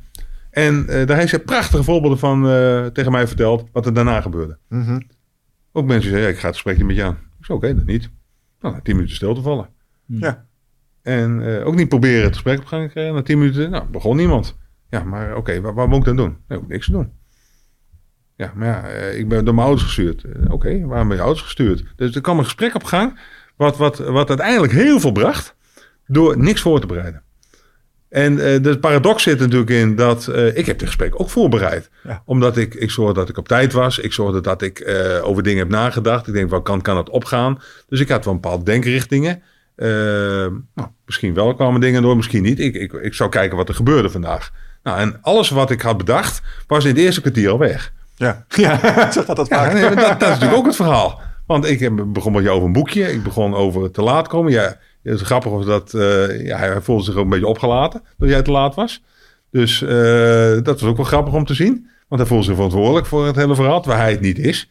Dus eh, het was ook onbeheersbaar trouwens. Zeker, zijn van Want- grootste valkuilen, ja. Was het vijf minuten, was, was, het, was het tien minuten? Sorry hoor. Ja, maar ja, dan- Nee, nee, nee, maar om even aan te geven, dat, dit had met voorbereid te maken. Dus alles wat, wat er gebeurde, had in een kwartier voor de uitzending, was al anders dan gedacht. Ja. En dat, als je dat de kans geeft, gebeuren er mooie dingen. Ja. Dat bedoel ik dus. Ja. Dus ik kan zien als een geweldig moment dat eh, wat daar gebeurd was. Want als hij wel op tijd was geweest, was misschien dat gesprek anders verlopen. Dat weet ik wel zeker. Ja. Dus, dus gebeuren er dingen. eh, en dat bedoel ik met het verhaal voorbereiden, niet voorbereiden enzovoort. Eigenlijk moet je niks voorbereiden. Ja, Ja. je moet heel veel voorbereiden. Maar je moet het eigenlijk niet. Je hebt nu allerlei vragen bedacht. En de vraag is: is dit de volgorde? Is het, eh, eh, heb ik op onderwerpjes die ik in mijn hoofd heb, die ik de kans op bieden? Maar aan de andere kant kan de diepgang van dit gesprek een hele andere kant op gaan. Op het moment dat, eh, dat er een onderwerp is waar we helemaal niet over nagedacht hebben, wat toch een bepaalde kant op gaat. Ja. En dat bedoelde ik met de paradox van voorbereiden. Ja, en, en wat ik er zo tof aan vind, is dat jij eh, stelt, en dat komt ook een van, eh, van die boekjes voor, hè, de uitgeruste manager, of de, de kosten van een, uitgeputte, van een uitgeputte manager zijn sky high. Ja. Ehm, met andere woorden, de mentale slagvaardigheid en lenigheid die je hebt, als je maar bepaalde checkboxes zou vinken in het voor jezelf zorgen, kan je veel meer situaties gewoon handelen als je zou denken. Ja, dat, klopt. Ja, ik, ik probeer het als eh, simpel uit te leggen. Als ik dus goed gesla, uitgeslapen ben, ik heb goed gegeten, ik heb nog wat hard gelopen, ik heb leuke dingen gedaan afgelopen week. eh, ik heb eh, wedstrijden mogen zien waar ik denk, nou ja, eh, niemand mag staan, ik wel. Eh daar moet ik ook zo dankbaarheid voor hebben. Dat klinkt misschien gek, dat hebben we ook te weinig in het leven. Waar zijn we er dankbaar voor? Eh, ja, nou, en, en, en je wordt natuurlijk ook op aarde gezet als het gaat over ego-gerichtheid. Ja, Ja, dat zijn dingen, denk ik, ja, ego, wat is ego? Eh, voor mij staat hier een directeur, na mij komt een directeur. En ik zit tijdelijk even hier, eh, waarin ik een aantal jaar eh, probeer mijn, mijn job op een goede manier te vervullen. Dus ego heb ik al lang losgelaten. En dat bedoel ik ook met, wij komen terug op, die, op, die, op die, al die uitzendingen waar iedereen gaat zitten. Totaal ego gericht. ja. En denken dat dat, dat, dat dat belangrijk is enzovoort. Ja, ik, ik heb daar dus niks mee. En, maar ook het verhaal waar, we, waar, we, waar ik was over dankbaarheid. Ja, je moet ook eens even eh, vijf minuten per dag nadenken. Of uh, niet minimaal één keer in de week van... Ja, jullie zitten hier prachtige podcast te maken. Jullie ontmoeten 180 leuke mensen. Uh, je komt overal binnen. Hoe leuk is het? ja. En sta je er wel voldoende bestil, roep ik dan altijd. Ik hoor je dat wel. 240. Of 240 ondertussen. Slecht voorbereid, Ja. eh. Slecht voorbereid.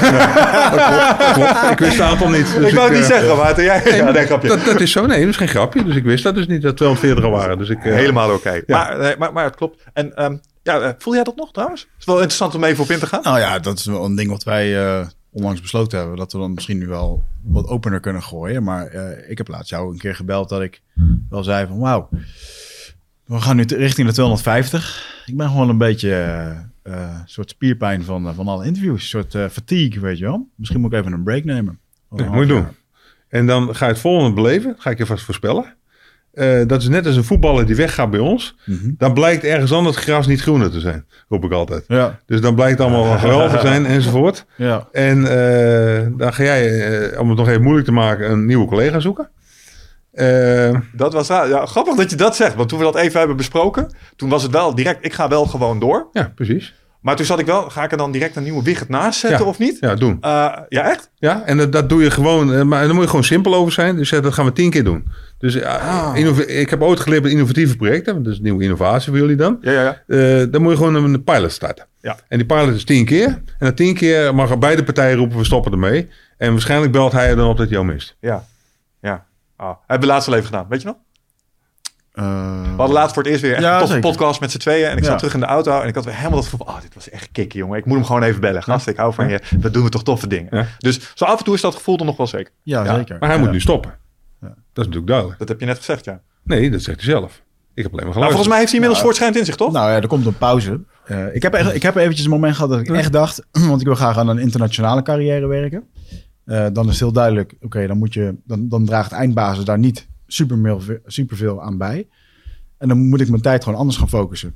Ehm, Punt. dus eh, ik wil graag eh, eventjes... maar ik wil wel even voelen hoe dat het voelt... om te stoppen met eindbazen. En dat is wel voortschrijdend inzicht geweest. Van, hmm, die keiharde stop van het helemaal vaarwel zetten... Ja, dat voel ik ook niet helemaal. Ja, maar nou, je, nu gaan we. Eh, als je praat over presteren enzovoort. Na deze Ja, podcast is het trouwens geen eindbaas Ja. meer. Begin ik zo langzamerhand het gevoel te krijgen. nee, grapje.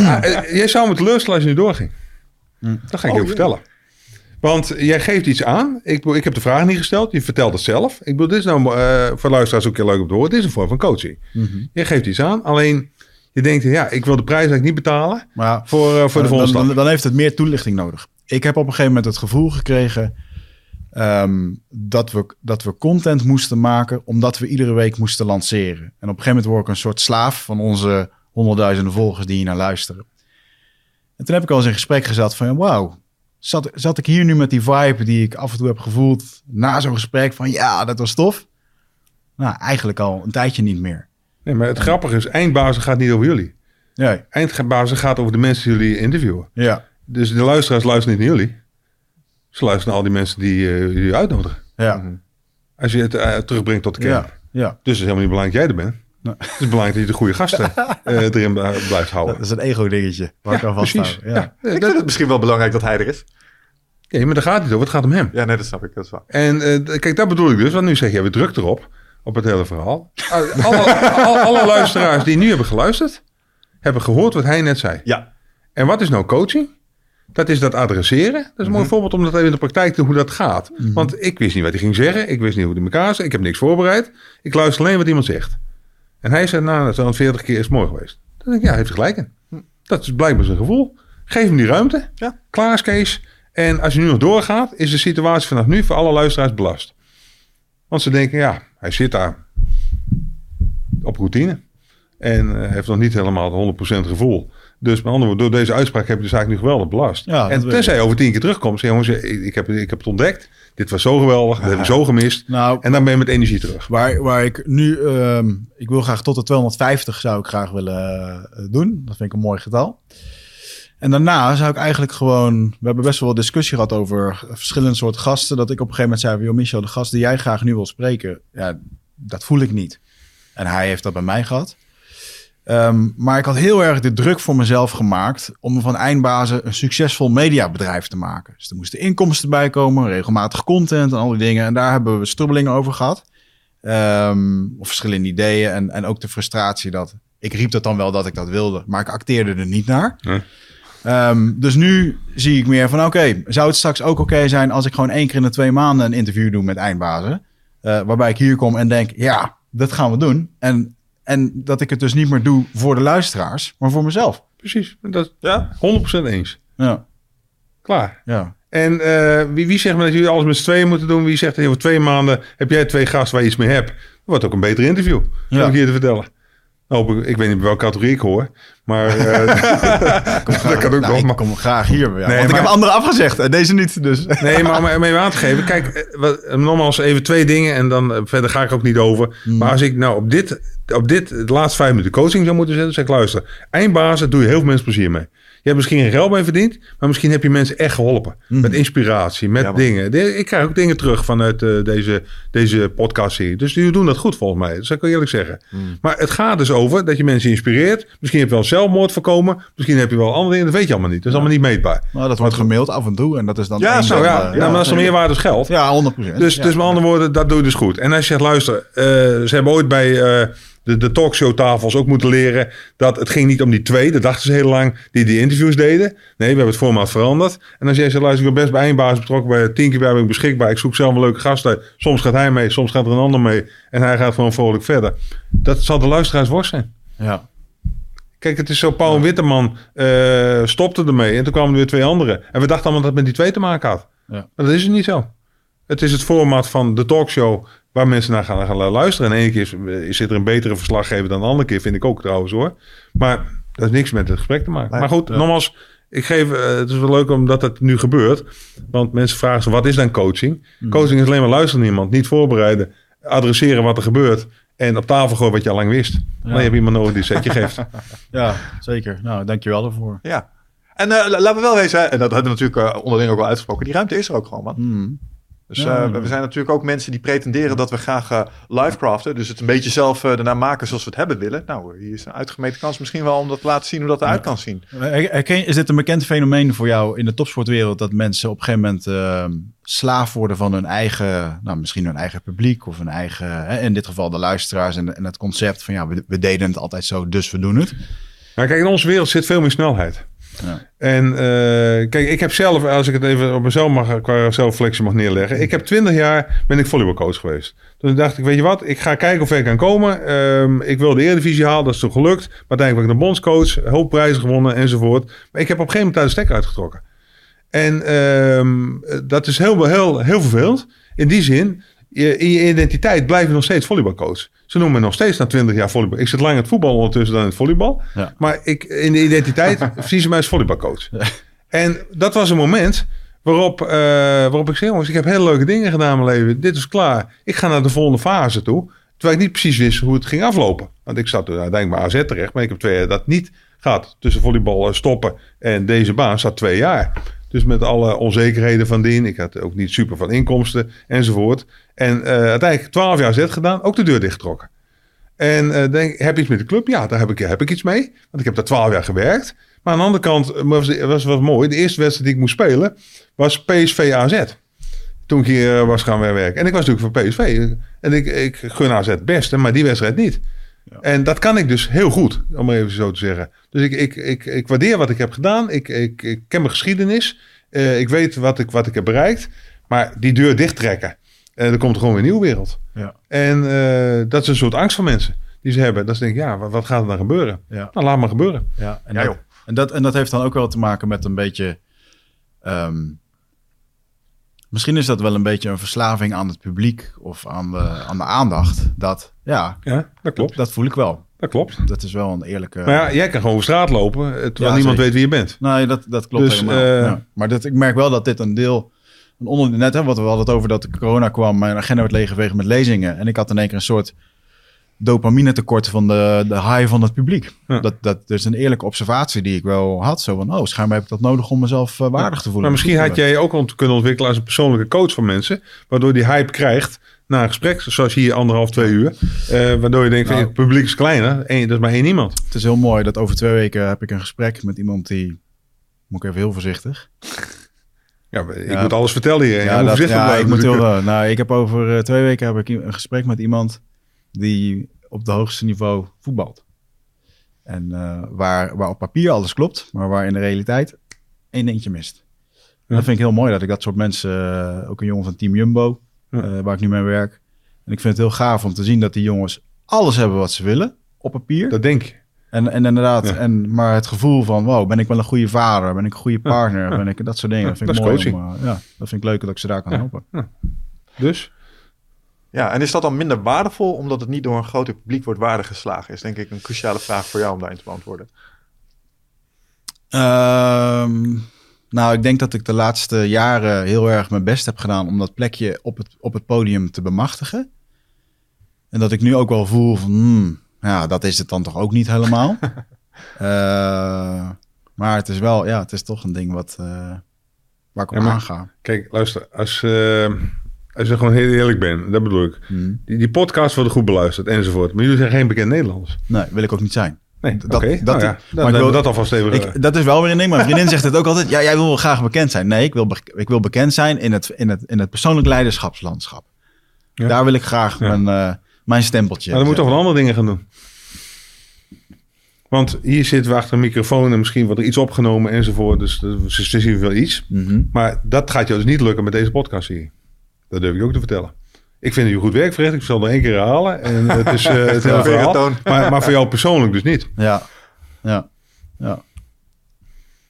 Maar wat dan wel, denk jij? Nee, dat, dat is interessant. Ik, ik ken hem onvoldoende. Als, kijk, dat vertel ik net. Je kan coachen als iemand een vraag heeft. Ja, Ja. duidelijk. Dan moet je een vraag stellen. En dan Ja. kan je kijken of we het erover kunnen gaan hebben. En of ik de geschikte man ben om daar iets van te vinden. Ja. Of dat, eh, ik denk dat heel veel mensen betere antwoorden voor hem hebben waarschijnlijk. Ja. Maar eh, kijk, het is wel grappig. eh ja, je geeft ook een beetje weer wat, wat grote delen van de samenleving op dit moment, dat ervaar ik ook wel zo, ook een beetje hebben. De wereld is iets aan het veranderen en er zit wat tegenslag in en zingeving en combineer het op een bepaalde leeftijd eh, en noem alles maar op. En alles samen. Heb je dat een keer? Dan denk ik, ja, geef dat een kans. Ja. En eh, het hoeft geen alles niks oplossing te zijn. Je kan zeggen, luister, veel succes. eh, doe dat eens tien keer na 250 stoppen ermee. Ja. Nou, dan is een interessante vraag. Wie ga je er dan bij Eh, moet je ook is ook geboren. We net over de opvolger van de minister-president. Denk het wel, ja. Dus dan moet je ook weer nadenken. Wie wil ik dan hebben? Eh, en als hij voor zelf een paar gaat doen. Wie wil hij hebben? Of gaat hij het alleen doen? ja. Is Marieke Ook druk eh, de komende tijd, niet? Wat zei je? Is zijn vriendin, zijn vrouw. Dat zou ik nooit doen.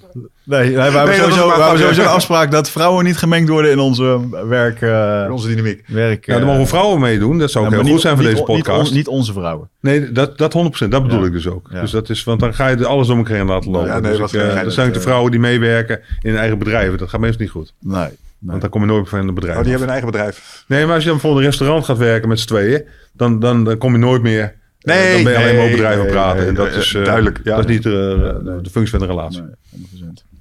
Oké, nou, mooi. We hebben weer wat huiswerk meegekregen, jongen. Ja, we hebben, Maar wel, wat- we hebben wel André Kuipers gehad, hè? Dat hebben we nog niet Ja. besproken. Dat willen we even aantikken. André is gekomen. En het grappige was dat hij in de studio kwam en dat wij echt zeggen van, joh, we hebben echt, we zijn al vier jaar lang bezig om jou hier te krijgen. Hij zei, oh, ja, dat weet ik. Ik zei, oh, maar we hebben hem echt heel vaak mailtjes gestuurd. Dus hij zei, ja, dat weet ik. Maar we hebben nooit iets gehoord van jou. Zei, nee, dat klopt. Maar dat is toch raar? Hij kan toch normaal antwoorden? Dat, ja, dat is niet gebeurd. Uiteindelijk is hij via Giel Belen bij ons terechtgekomen. Omdat Maar hoe, hem, waar, eh, wat, hoe verantwoordde hij dat dan? Dat vind ik echt raar. Nou, Denk gewoon, van als eh, iemand een mail stuurt, eh, we hebben het over normaal gedrag in het leven, toch? Dan mag je nee zeggen. Dus, nee, ik heb geen zin in die podcast hier voor jullie. Bedankt voor de mail. Iedereen die mij een mail stuurt, krijgt antwoord. Het staat niet in mijn geheugen dat dat iedere keer is Nou, gebeurd. ik moet nu even in de bres springen voor André en zijn team. We hebben wel met zijn secretaresse een aantal keer gemaild. Want dat hebben we de Ja. laatste keer nog besproken. En toen is een van de strategieën die jij hebt geopperd. Misschien moet je die secretaresse gewoon eens een keer met een, met een boeket aanschieten. Zo van, hey, we willen echt heel graag met André spreken. Omdat toen werden we erop gecheckt dat we onvoldoende voortvarend actie hadden ondernomen om André te pakken te krijgen. Dat was overigens ook waar ik naar uitkeek voor deze podcast. Die vink even kunnen zetten. Maar eh, ja, wat ik trouwens leuk vond is om te horen dat jij soortgelijke perikelen ook nog tegenkomt. eh, ongeacht je positie bij eh, premier Rutte. Moest je ook gewoon eh doortastend... Tuurlijk, eh, nee, maar je ja. moet af en toe wel eens even doorzetten en knokken. Ja. Enzovoort. En eh, ik, ja, dat, dat is op zich een heel verhaal. Welke zes, zeven mensen ik daarvoor benaderd heb. Hoe dat allemaal gelopen is uiteindelijk.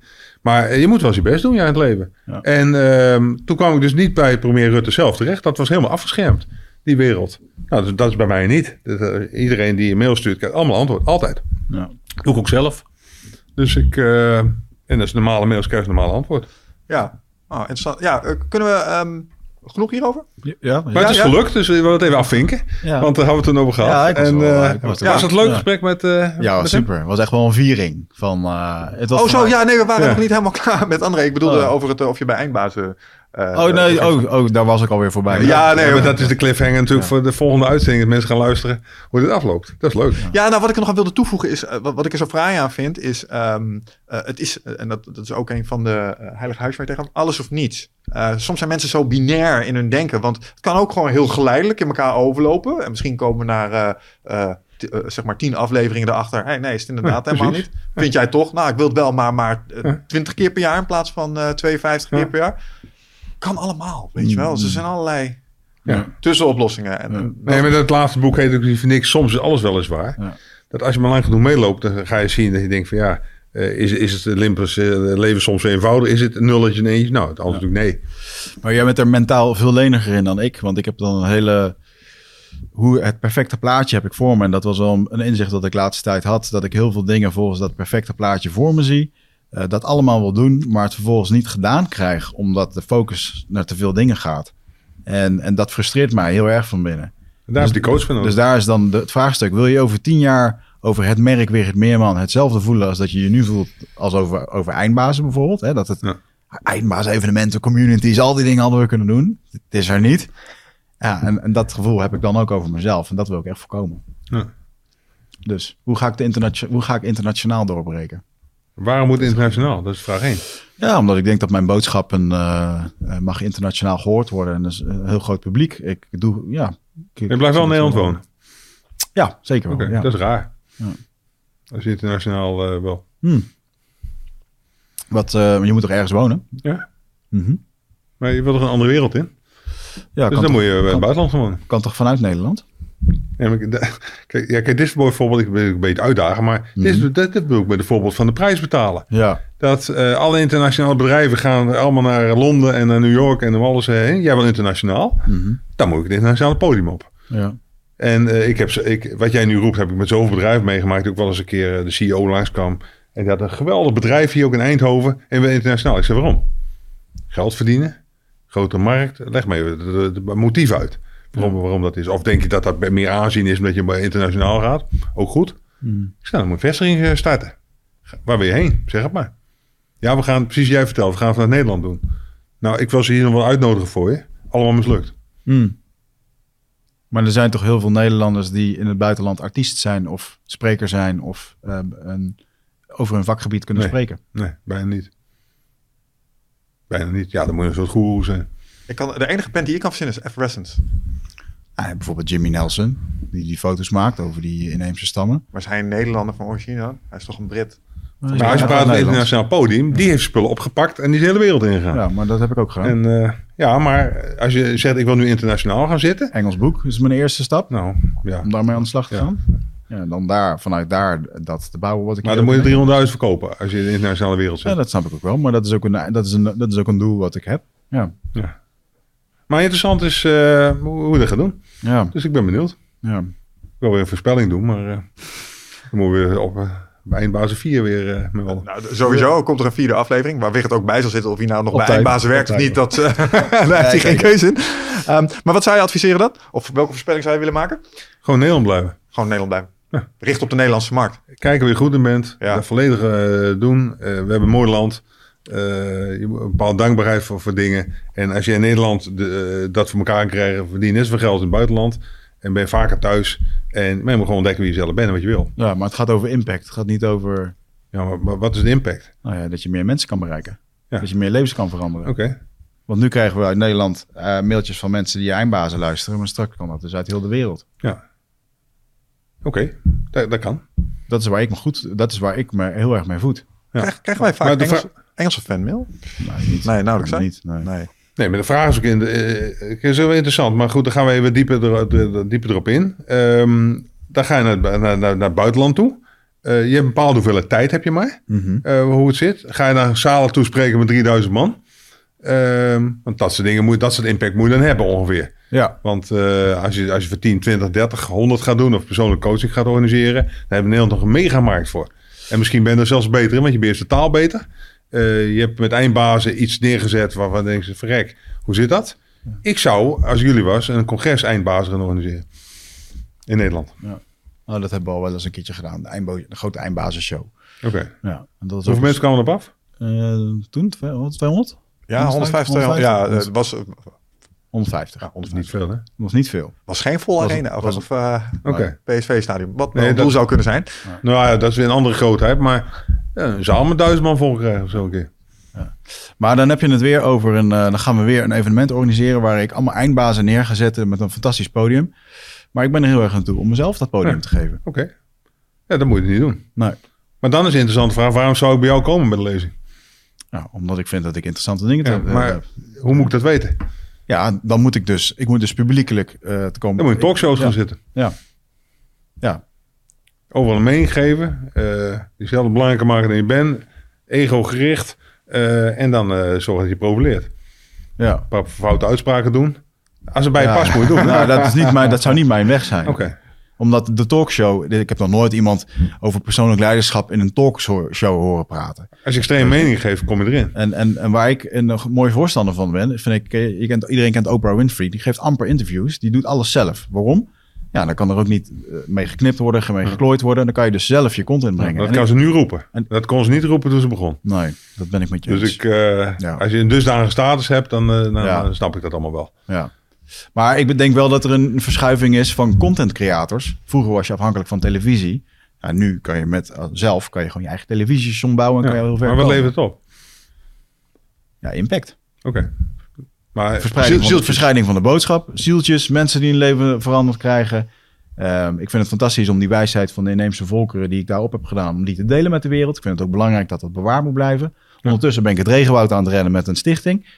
Ja, Ja. Dat, Ja, kijk, de meeste van... eh, kijk, als je praat over, over cultuur, over eh cabaretiers... over mensen die impact wilden maken... Hmm. is wel grappig. Die hebben soms drie, vier jaar lang... voor zaaltjes gestaan waar tien mensen kwamen. ja. Ja, dat is En steeds. doorgezet. En nog een keer doorgezet. En nog een keer doorgezet. En iedereen zei, dat moet je niet meer doen. Dat, dat, eh, en dan kwamen er drie mensen op. Dan ging je toch die voorstelling doen. Ja. Eh, enzovoort. Dus de, de, pra- kijk naar popgroepen als je dat, eh, die historie gaat bekijken. Ja. Jarenlang in niks verdiend. Spullen opgepakt. overal geoefend. En op een gegeven moment viel er iets. Dat dus is- het is een lange aanloop. Dat is bij ons ook zo geweest. Ik bedoel, we hebben ook alle twee de lege zaaltjes gehad. En, en, en ik, ik, ben eigenlijk ben ik, eh, wat mij tegenhoudt, is dat ik bang ben om weer vanaf nul te beginnen.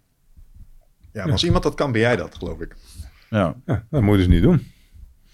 Nou ja, of juist wel. Je moet het gewoon doen. Ju- Je moet het juist gewoon gaan doen. Ja, maar je zoekt enerzijds de zekerheid van eh, dat, dat het geld moet opleveren, dat het enzovoort. Dat begrijp ik ook wel. Hè? Ik bedoel, eh, je moet wel wat brood op de plank komen. Dus dat begrijp ik heel goed op het hele verhaal. Aan de andere kant, ik heb in mijn leven de slag gemaakt eh, van communicerende vaten. Daar bedoel ik mee van, eh, ik begon als volleybalcoach onderaan.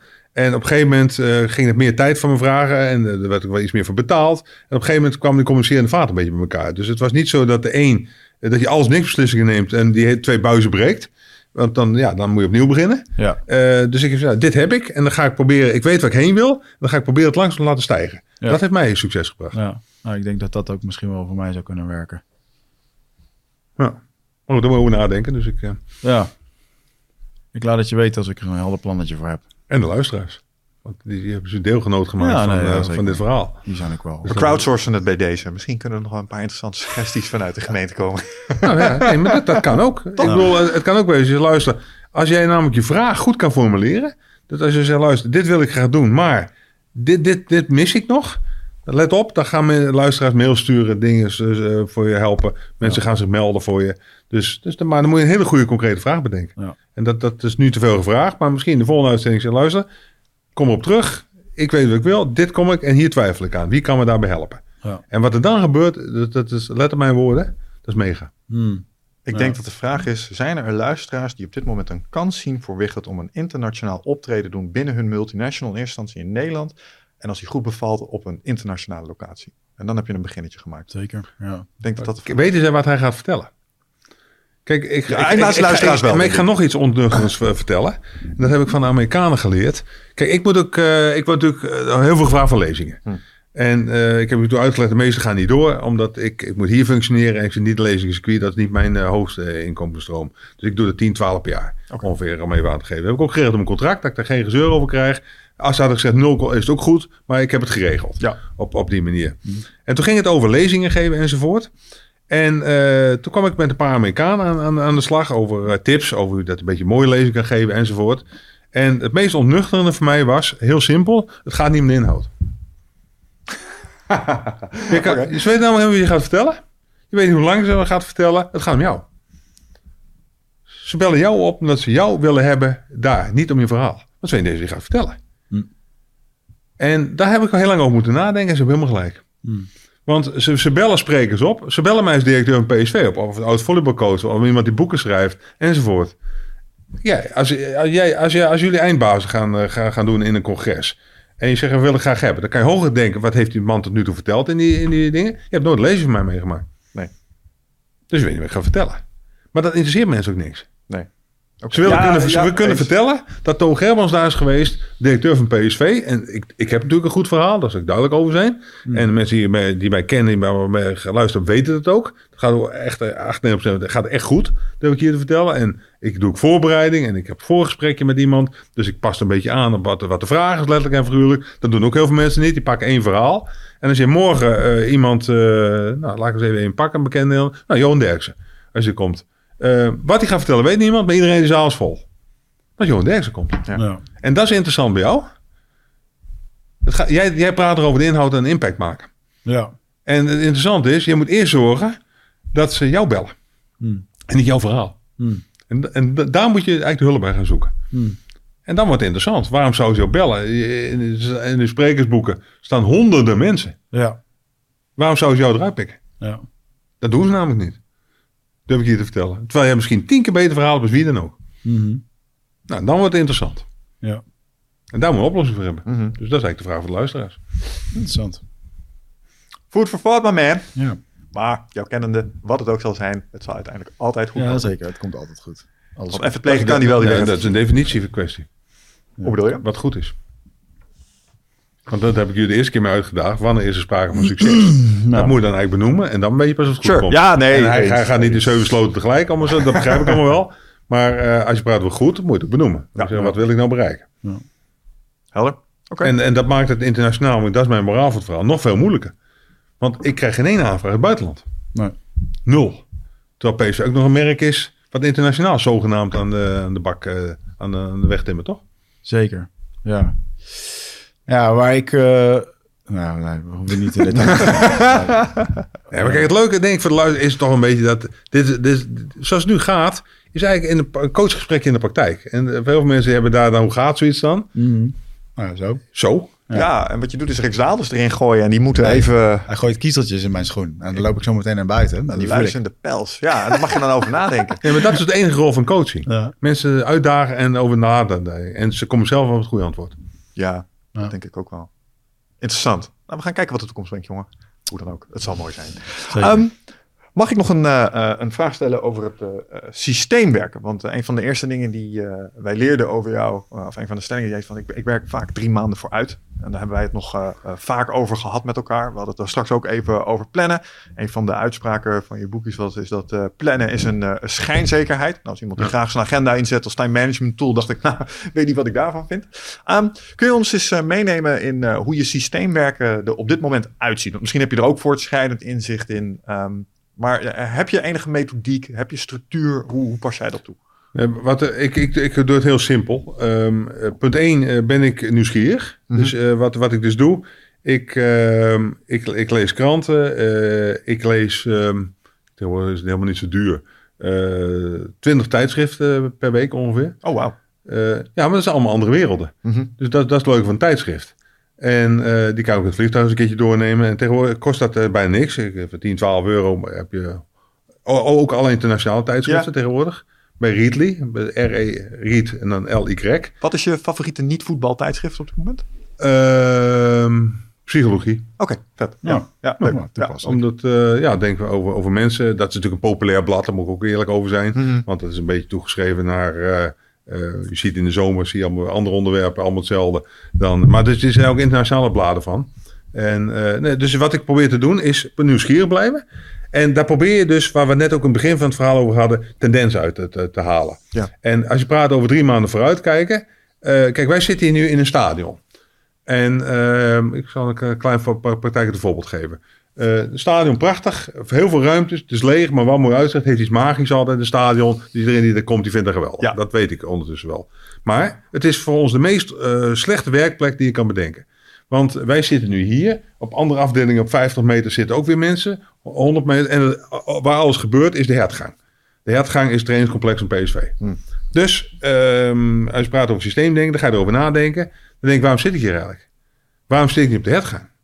Waarom moeten we daar geen kantoorpand neerzetten? Gewoon 2 miljoen uittrekken, kantoorpand neerzetten op de hertgang. Dan kunnen spelers naar de financiën lopen, die kunnen naar ticketing lopen. Wij zijn er vlakbij, we ontmoeten ze. Dus waarom zitten we op, op twee kilometer afstand? Nou, als je praat over systeemdenken, is, is, is al die drie dingen samen. Komen dan, bij wijze van spreken, blad psychologie, zeggen luister, binding is belangrijk.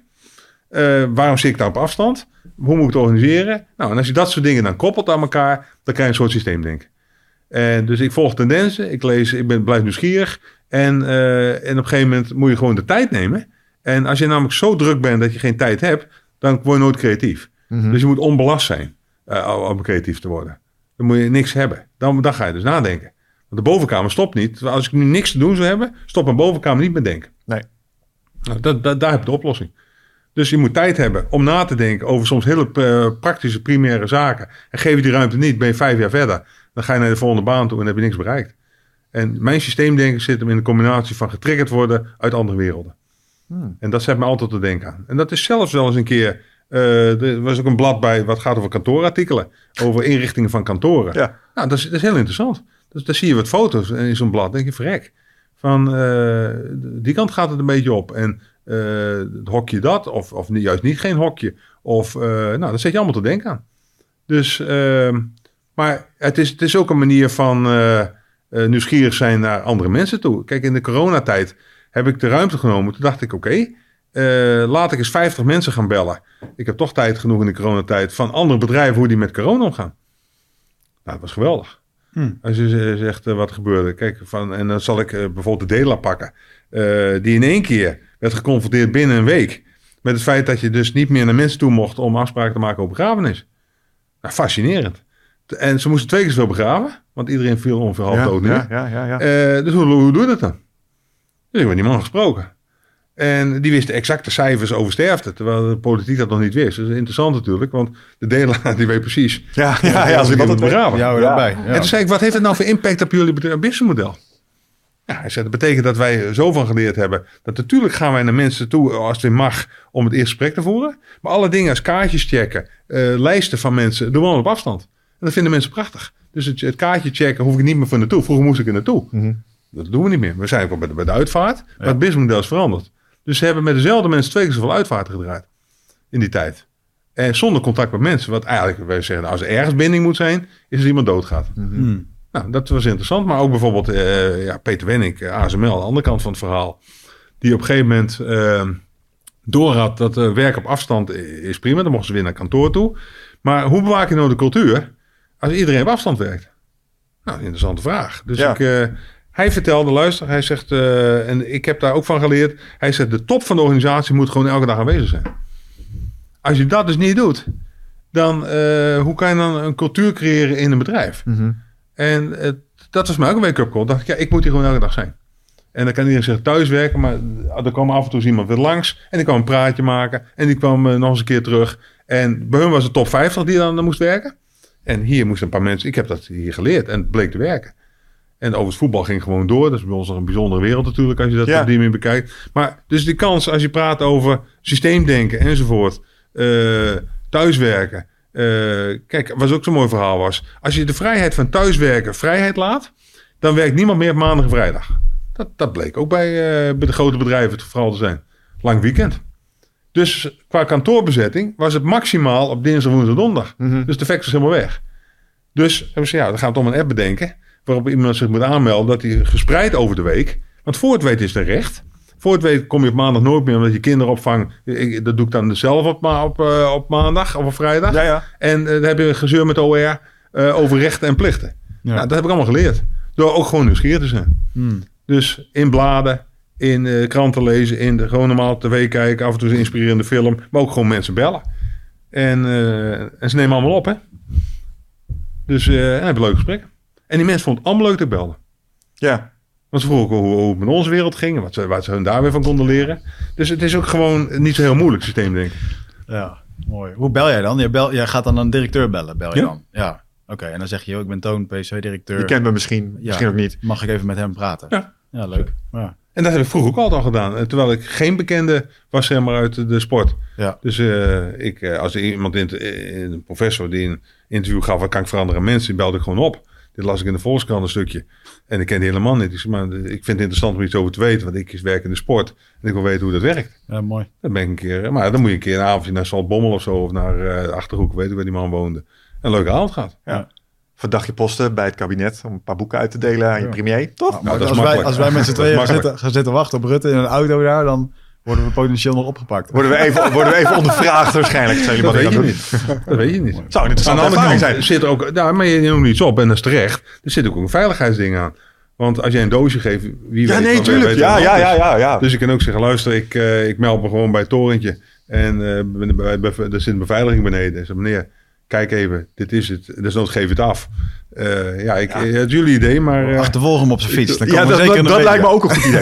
nou ja, ik denk dat je aangenaam verrast zult zijn. Want dat, wat je zegt klopt, hè. Dat hebben wij natuurlijk ook gewoon geleerd. Eigenlijk is iedereen gewoon eh, eh, bereikbaar. En het zijn ook mensen. Dus als je ze gewoon een mailtje stuurt of je belt ze even, vinden ze het vaak nog leuk ook. Dus eh, Ja, en mensen zijn benaderbaarder in dat opzicht als je Maar het denkt. was ook was wel interessant. eh, Nog wel een klein voorbeeld te geven ook, ook voor de luisteraars. Dat ging over ehm, eh, hoe belastbaar is het nou als ik eh, om tien uur s'avonds een mail stuur naar een medewerker.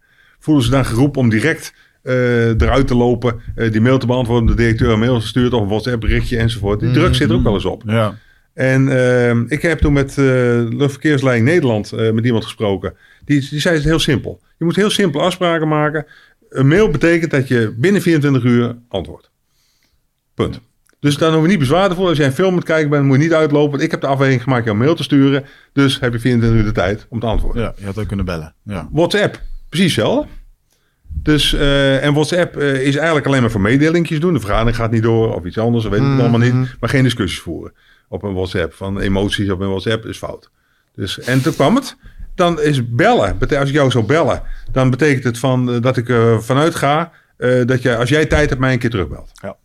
En dan mag uh, zelf even wanneer je tijd hebt. Dus geen druk erop. Dus als je zit te eten, ga je er niet uit. Maar wat, en toen, toen kwam die, dat was heel leuk. Als er twee keer wordt gebeld binnen 10 minuten, moet je eruit lopen. Ja. Dan is er iets. Dat, dat was een simpele systeem van luchtverkeerslijn Nederland. Ja. Dat heb ik ingevoerd hier. Dus, dus met andere woorden van eh, mail eh, niet, niet beantwoorden wanneer het jou uitkomt. WhatsApp ook niet beantwoorden. En eh, één keer bellen, veel succes. En twee keer bellen betekent dat er, ja, er kan wel wat gebeuren met een speler. Of staan ze in de fik. Ja, ja, dan moet je eruit. Ja. Eh, Dus met andere woorden, dan kan ik tegen iedereen vertellen in het etentje. Luister, ik twee keer word gebeld, dan is het echt nood. Dan moet ik er even uit. Maar dan is ook echt wat aan de hand. Mhm. Kan ik je vertellen. Nou, en in hun wereld gaat het natuurlijk over vliegtuigen en andere dingen. En weet ik het allemaal niet. Zo Ja. simpel kan je het houden. Hoeveel discussie voer jij met mensen hier? Staat je wel eens op weerstand? Of eh, is bij jouw managementstijl daar weinig... eh, niet dat je erover stoom was, maar misschien ben je wel zo overtuigend dat mensen het makkelijk aannemen. Ik probeer me het voor te stellen, als ik dit zou Ja. implementeren in teams waar ik had gezeten, had ik nog wel een paar overlegjes gehad links en rechts. Snap je? Nee, deze niet. Nee. Zo makkelijk is wat, toch? Want Ja. de grap is namelijk dat de vraag vanuit een OR komt. Dat als dan. eh, kijk, als we, wij moeten flexibel gaan werken. En als ik besluit om tien open mails eruit te gooien. Dat, dat mijn beste tijdstip is. Ja. Of een andere medewerker van mij. Of een WhatsAppje gaat sturen. Sure. En jouw directeur stuurt jou een berichtje. En je bent medewerker. Hmm. Dat voelen ze als druk. E- Eens, ja. Nou, dus hebben ze, gaan we druk eraf halen. Dus heb ik dit gewoon op die manier benoemd. En is georganiseerd. Dat is ook een soort systeemdenken waar we het net over hadden. Zeker. Ja, ja. En klaar is Kees. Waar, maar waar, moet- waar zou je discussie over moeten voeren? Oh, omdat ik me kan voorstellen, als ik even zo terug ga in mijn hoofd, kan ik zo een paar elementen uit teams opnoemen die het belachelijk zouden vinden dat ik ze verplicht om binnen 24 uur te reageren op een e-mail die ik stuur. Bijvoorbeeld. Ja? Eh, dat, ja, hoezo kun jij mij die norm opleggen? We hebben toch geen SLA met elkaar? Heb ik mezelf ook wel eens Nou ja, zeggen. Dan bedenk je dat je in een mail drie dagen mag wachten. Ja, nee, bewijs wel. Oké, ja, sure. Ja, in onze wereld niet. Maar je kan toch even zeggen, mail ontvangen. En eh, ik meld me over een week. En, eh, want ik moet even dingen uitzoeken. En als ik, en als ik dan denk dat, dat ik is tekort, meld ik me wel weer. Ja, Ja. oké. Dus het is gewoon communiceren. Ik denk dat mijn achterliggende vraag is: hoe manage jij inderdaad eh, eh, weerstand op het moment dat jij iets, een beleid wil implementeren en er komt feedback vanuit je organisatie? Ehm, kun, denk kun, ik je- kun je daar na. naar luisteren? Dat- ja. ja ik, ben, ik ben heel snel te overtuigen. Maar hoe acteer jij op het moment dat besluitvorming stroperig wordt? Want ik heb ook wel eens gezien, de probeer, eh, een van de dingen die je hier ook zegt, eh, de formule voor falen, besluit nemen waar iedereen tevreden over Ja. is. Eh, hoe ga jij om met ontevredenheid over besluiten die jij neemt? Vind ik soms moeilijk. Ja, luister, ehm, we hadden net over de wereld van de hoogbegaafden. Die had één mooie uitspraak. Je weet niet wat je niet weet, zei hoogbegaafden altijd. Als ik het niet weet, hoef ik niet druk over te maken. Dan gaan we over beheersbaarheid Ja. en onbeheersbaarheid. Koppel ik alles nog even samen hier vandaag. Als je niet weet, hoef je niet druk over te maken. En als het wel is, denk erover na. En denk, nou oké, eh, soms hebben ze een heel goed idee. Dan zeg ik, veel succes, doen we. Ja, oké. Eh, Dus moet ik maar voor één ding zorgen: een veilige omgeving. Dat mensen inderdaad geen drempel van 4 meter hier ervaren. En als je wel eens weet, het ook niet, zal ik eerlijk zeggen. Maar ik durf wel te zeggen dat dat valt hier wel mee. Ja, maar dan moet ik even eh, vanuit zelfreflectie denken: waar ben ik dan door verrast? Waar heb ik dingen in de afgelopen acht jaar tegenaan gelopen? Maar de hoogbegaafde uitspraak klopt ook. Ik weet niet wat ik niet weet. Ja, ja. Oké. Duidelijk. Ik denk dat ik het... eh, ja. Ja, en mijn podcast opnemen met al die mensen met me werken. En zeggen, luister, eh, hoe zit het nou met, dat- met, met die vogel? En hoe werkt het nou? En dan, dan, dan kan ik je vast voorspellen wat er gebeurt. Een derde deel vindt het geweldig. Een derde deel waait met alle winden mee. Die gaat net zo met de volgende leider weer net zo hard mee. En een derde vindt mij niks. ja. Nou, Ja, eens. nee. Daar hebben ze gelijk in. Een helder verhaal. Nee, de- kijk, eh, waar ik op zoek was, was naar eh, strategieën die jij in je ervaring hebt ontdekt op het moment. eh, ik, wat, ik, wat ik mooi vind aan wat je zegt, nou, we doen dat zo, denk erover na, systeemwerken, implementeren gewoon.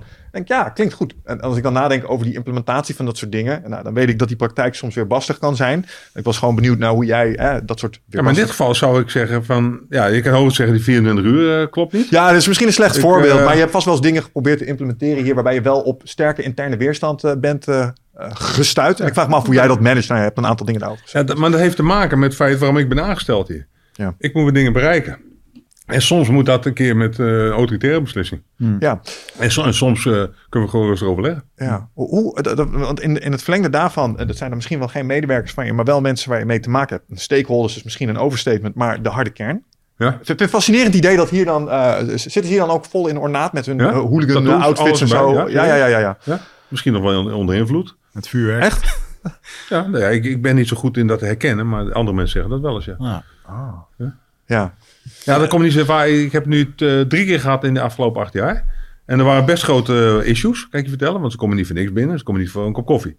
Mag ik vragen met wat voor issues een, een, een, een harde kern van een hooliganclub bij een directie Nou, aankomt? in, de, in de periode van Bommel bedreigingen. Met naar mijn adres en naar John de Jong.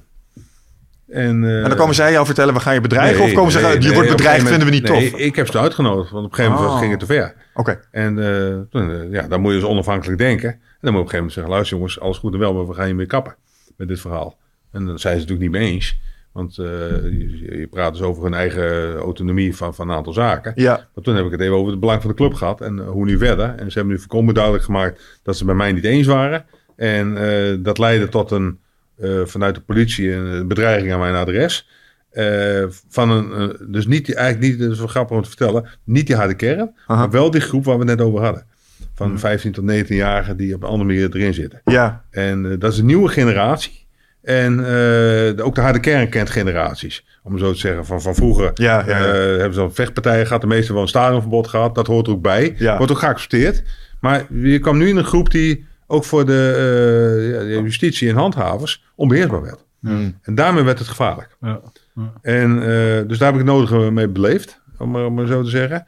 En ehm, ik heb geaccepteerd dat er spandoeken tegen me hingen, dat ze spreekkoren hadden. Alles, weken heeft het geduurd. En op een gegeven moment duurde het te lang. En toen dacht ik, nou, dit is niet goed eh, voor de club. Eh, of we lossen nu op met elkaar, of niet. Mhm. En dat had ook mijn baan kunnen kosten. Even voor de beeldvorming. oké. Absoluut. Je Dus nek ik, lag op het eh, blok. Nou ja, dat heb ik zelf erop gelegd. Oké. Ik zeg, dus zo heb ik dat ook gespeeld, dat spel toen. Ik zei, luister, als jullie denken dat de oplossing is, moet je nu vertellen. Bel ik nu de voorzitter van commissaris en we klaar. Oh zo, dus als jullie Ja. denken dat ik moet opstappen, stap ik gewoon op. Oh, dat is ook wel bout. ja, maar ja, op een gegeven moment, als je praat over systeemdenken, eh, is het zo, dan moet je goed over nadenken. Hoe lost dit op? Heeft het zin om dat nog twee maanden te, te doen? Op die manier. Voor niemand. Voor de club niet. Voor, voor de spelers niet. Voor mij niet. Voor hun zelf trouwens ook niet. Dus daar moet je een discussie mee Ja, volgens mij heb ik... niet goed in beeld aan hoe ernstig, eh, hoe hoog het opliep. Eh, om- omdat als ik, ik denk, het kan toch niet zijn dat een harde kern van hooligans het aftreden van de directeur eisen en dat er dan Dat op in wordt gaan. ja, dat kan tegenwoordig. Echt waar? Ja, de, de vraag is of, eh, hoe ver erin gaat. Ja, ja, exact. Voor, voor jezelf, voor de Raad van Commissarissen, voor, ja, dat, dat, dat kan. Ja, luister, dat is een van de onderwerpen. Als je in Nederland echt gaat gaan lopen zoeken journalistiek, eh, is dit het onderwerp waar het mensen over geschreven is. Over het lastige van, eh, hoe dit, eh, ja, er zijn collega's van mij die hebben veel erger dingen meegemaakt. Ja. En ja, de interessante vraag, hoe ver geef je eraan toe? Wanneer ga je de openbaar maken? Wanneer ga je de confrontatie aan? Hmm. Dat, is, dat is een beetje inschatten. Is het interessant? Ook, ook, ergens vind ik het heel cool dat er dan toch een dialoog kan worden gevoerd met... ja, dat kunnen wij hier nog net. Ja, En ik zou ook vertellen dat er bij heel veel clubs al niet meer kan. Oké. Maar Dat is dat in het verleden ook wel gebeurd en eh, is, dus zijn de spanningen gewoon te hoog? Nou ja, nee, maar ja, of, of ze, gaan niet meer in overleg, of eh, het gaat nog vele malen verder dan wat ik nu zei over eh, bedreigingen. Zolang mij niks gebeurt, is het nog tot daar aan toe. Eens. Maar er zijn ook directeuren die hun kinderen beveiligd naar school moesten sturen. Ja, dat gaat En, en, natuurlijk en veel dat soort dingen allemaal. Dus dat heb ik niet meegemaakt. Nee. Dus ik bedoel, dus het veel relatief hier nog mee. Maar als je dat plaatst in de, de maatschappij, niet. Ik bedoel, jullie worden niet bedreigd met deze podcast. Dus, ik, eh, dus dat geeft ook niks, maar om even aan te geven. Dus, eh, dus het is, ik, ik, ik downsize het al een beetje. Terwijl het eigenlijk al een grensoverschrijdend eh, gedrag is. Ja, sowieso. Een bedreiging Maar aan zich is al... Maar ook eh, daar zit een spagaat in. Als je praat over nadenken. Stel dat iemand besluit, eh, net als bij Koevermans, waar Feyenoord werd eruit ingegooid. Hm. Is dat een reden om te stoppen?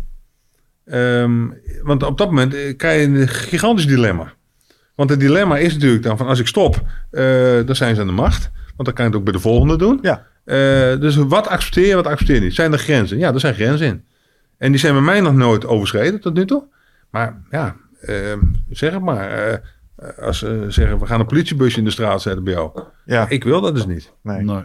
Om even te roepen. Ja, dat is mijn grens. Ja. En eh, dus dat is ook niet gebeurd. Maar dus loop je, dus moet je weer aangeven dat je die bescherming niet nodig hebt. Ja, dan neem ik weer het risico. Ja. Ja. Zover gaat het allemaal. En en is er nou, zijn er dan ook nog eh, een soort van samenwerking en coalities met die mensen aan te gaan om bijvoorbeeld die jongere generatie iets te temperen? Hè? Want ik kan me voorstellen, zo'n aantal Ja. van die OG's die eh, een bepaald respect eh, nee, maar dat is, ook- dat is ook grappig. Maar dan gaan we, de, dat is wel een interessante wereld. Eh, op zo'n zo'n zo'n vak van de harde kern zitten die verschillende generaties. Ja, We hebben hier toen, toen de tijd, en dat was ook een, de grens werd toen bereikt met een bestorming van die relatief jonge groep die de ingang bestormde hier. ja, met hekken ging gooien, politie, ME enzovoort. En eh, dat kwam helemaal uit het niets. Dus eh, je had over planningen. Er was helemaal geen planning. Er ontstond iets, de uitslag veel net wel, niet, niet goed. Of, eh, en toen, ja, twee, twee mensen stoken het aan, de rest gaat erachteraan. Maar wat je toen zag, was dat wat oude kern van de harde kern, om maar zo te zeggen, die zei tegen ons, luister, dat, dat gaat geen tweede keer meer gebeuren. Dus daar hoef je niet over in te zitten. die reguleren dat zelf. Nou ja, als dat kan. Maar, maar die gaan wel een signaal af. Zo van, eh, we vinden prima dat we een keer spandoeken, dat we een keer eh, spreekkoren. Dat is allemaal uitstekend. Maar je gaat niet je eigen club aan. Ik zie dan direct een vechtpartij voor me zeggen. Wij regelen dat zelf wel even. Dan zie ik iemand, ja, eh, op de maar- parkeerplaats. maar zo- Zover stukje komt het vaak niet tot die vechtpartij, om zo te zeggen. Ja. Gelukkig niet. Ehm, maar er wordt al ook even duidelijk gemaakt. eh, we staan met z'n allen achter die club. En dus eh, bepaalde grenzen, eh, dat hebben we nu één keer gedaan, maar nou is het klaar. Oké. En, eh, en daarna is het ook, was het ook klaar hoor, even de beeldvorming. Ja. Dus ik, eh, en hoe dat dan gaat, weet ik niet precies. Dat is toch ergens wel weer een geruststellend idee. Dan, dat, dat die mogelijkheid, en dan tenminste hier in Eindhoven nog wel is. Ja, dat, dat klopt. Maar het is niet overal meer. Nee. Nee. Ah, ja, schijnend. Ergens. Ja, dat is ook zo. Nee, maar dus, er zijn de directeuren waarvan eh, bij een privé barbecue mensen een bivak met zijn tuin hebben gestaan enzovoort. En dan wordt die hele familie mee geconfronteerd. Ja. Die verhalen komen allemaal niet naar buiten. Ja, nu dus wel omdat ik nu iets over roep, maar ik ga niet vertellen wie en wat. Nee, in elkaar steekt. Want dat is ook iets wat je een beetje beschermd moet houden. Want anders dan eh wakkeren we dat weer een beetje aan. Mhm. Maar dat is niet altijd even een makkelijke wereld. af. Dat is, dat is letterlijk ook de prijs die je af en toe betaalt Hm. voor dat vak. Ja. ja, je hebt er vast wel eens over nagedacht. Wat, wat, wat, wat denk je dat het, het belangrijkste motief is van mensen die in zo'n harde kern zo de, de, de grenzen telkens overgaan? Is dat gewoon groepsgedrag, een stuk over enthousiasme, eh, niet, niet, niet lang genoeg nadenken over de consequenties? Nee, het, het is groepsgedrag in relatie tot... eh, kijk, als je echt een harde kernsupporter bent... dan is een deel van je identiteit is Ja, ja, ja, ja, ja, ja. En die combinatie. Hmm. En eh, dat leidt dan uiteindelijk tot, tot, tot, tot dit soort gedrag. Dus een deel kan ik... Kijk, er zijn ook mensen die, daar moet ik ook eerlijk over zijn... in positieve zin al hun vakantiegeld opofferen... om ons te kunnen steunen in het buitenland. Ja, ja, ja, ja. Die een seizoenkaart kopen. Die, eh, dus alles van eh, in hun leven is... een groot deel is PSV. Dus eh, tattoos op hun lichaam hebben over PSV. Dus ga dat dan niet bagatelliseren. Nee, Zijn je beste, klant, zijn je beste klanten eigenlijk. Ja, dat Ja, klopt. precies. En, ze- en op een werk, als jij voor een club staat en je hebt dan verloren van, eh, van een andere club, dan word je even afgebrand en dan moet je het een week lang horen. Ja, dat is allemaal geen pretje. Ja. Dus eh, je hebt mooie dingen, maar je hebt ook de dingen, ja, daar heb ik even geen zin in. Ja. Dus, eh, dus ik begrijp dat heel goed, die wereld. Ja, En dus, dus we hebben te maken met mega bedrijven in deze bedrijfstak. We hebben met een omwel te maken van journalisten, van analisten, maar we hebben ook te maken met eh, harde kern. En ja, als je nou zegt wie de echt voor de club leven, zijn dat ook die mensen. ja. Dus dat, dat is ook wel eens de spagaat in denken. Ja, dat is misschien nog wat moeilijker, want ik kan me niks verzinnen. Kun jij iets verzinnen waarbij... eh, het enige wat ik kan verzinnen is, wij, wij komen uit de vechtsport. Dus wij hebben allebei misschien wel eens vechters gehad eh, waar we fan van waren en dan moesten ze tegen elkaar. En als de een dan de ander versloeg, dan nou, konden we daarmee jennen. Ja. Maar het is nog nooit zo fanatiek geweest. En, daar zit misschien eh, de- de- het moeilijke. Ik kan me niet voorstellen dat je zo... Ja, maar dit is zo verbonden groot, bent. die sport. Ja, dat, misschien Dus ik, eh, wat ik vertel, miljoen, miljoenen begeleiders. Nee, maar als... eh, kijk, die club blijft bestaan. Die, die sport, die, die, die vechter die hebben die jaren weer achtergestaan, die stopt een keer met zijn carrière. Ja, daar ben je er vanaf. ja. En deze niet. Deze mensen gaan starten op soms vijfjarige leeftijd. En eh, die worden dan begraven met een PSV-vlag op een kist. Ja, nee, duidelijk. Ja. Ik, eh, of soms het shirt in de kist. Of eh, weet ik Ja. het allemaal niet. Dus Ja. dat bestaat ook allemaal. dat zie je in het kickboksen niet. eh, Nee, niet. dat bedoel ik dus met andere woorden. Dus, dus door door de geschiedenis zit er een soort eeuwigheidsfactor in. Ja, Ja. ja. Mooi. Je bent onderdeel van de geschiedenis geweest van die club. Hmm. ja. Zit er een eh, einde voor jou eh, te komen aan deze carrière? Geen idee. Weet je nog, dat heb je nog niet. Heb je daar zelf een beeld Ja, er over? komt natuurlijk een keer, eh, fysiek een keer een eind aan. Dat mag Ja. duidelijk zijn. Ja. Maar ehm, ik maak me er niet druk over. Nee, maar het is niet iets wat je actief eh, op het. eh, Wat ik vertelde, elk jaar ga ik zitten. Ja, Of ik de beste man ben of het beter is. En nou, als het beter is, is het ook goed. Ja. Ja. En dan, kijk, en dat bedoel ik met van dan emotie eraf, feit van maken. En ehm, gezien mijn leeftijd, ik ben nu 64. Jan Hommer roep ik altijd als voorbeeld, is 78. En die was naast carrière bij Philips, heeft hij 14 mooie jaren nog beleefd. Dus zit hij in de raad van, eh, van bestuur van Ahold nog steeds. Prima. Ja, Dus eh, dan ga ik wel anders doen. Maar ik weet niet wat. ja. Want dan zou ik dus nu al mentaal de afscheid nemen zijn. Ja. En dat is een mooi voorbeeldje. Wat jij dus net in deze eh, podcast hebt geroepen. Jij bent mentaal wel een beetje. Al de slag, slag Mhm. verder. En ik ben dat niet. Ik ga er voorwaardelijk, onvoorwaardelijk in. Tot dat moment dat het anders is. En dan eh, ga ik nadenken. ja. denk je dat jij zult werken tot je dood? Ja. Zou je het anders willen? Nee, dus, eh, maar dat kan op allerlei niveaus zijn. Ik bedoel, eh, ik heb ook kanten die mensen niet zo goed kennen. Ik, zit, eh, ik stop na dit jaar, dat moet reglementair bij Spieren voor Spieren, heb ik elf jaar gedaan. Dus eh, elf jaar lang heb ik dat ook geprobeerd op eh, mijn bijdrage erin te leveren en eh, dingen voor elkaar te krijgen. Dan statutair mag je dan maximaal negen jaar. Dus zijn de bijzondere omstandigheden waren, mochten we twee keer jaar verlengen. Nou, dat, die werd natuurlijk geroepen. Ja. Bijzondere omstandigheden, ik weet niet wat ze zijn, maar Covid, denk ik. ze vonden het allemaal prima dat, dat ik bleef. Maar dat stopt nu ook een keer. Dus ik ook op dat soort dingen. en als er morgen in, in mijn buurtje een nieuwe speeltuin moet worden neergezet, dan hebben we iemand nodig, vind ik het ook leuk. Ja, je vindt Dan gaan we, alles dan gaan we een speeltuintje maar neerzetten. Ja, mooi. Dus het, het heeft niks te maken met verdiensten, status, ego eh, enzovoort. Als ik denk het is leuk en ik kan er wat in betekenen, dan doe ik dat. ja. En, en in dat opzicht eh, denk ik wel dat dat, dat mijn dood zo zal zijn, ja. ja.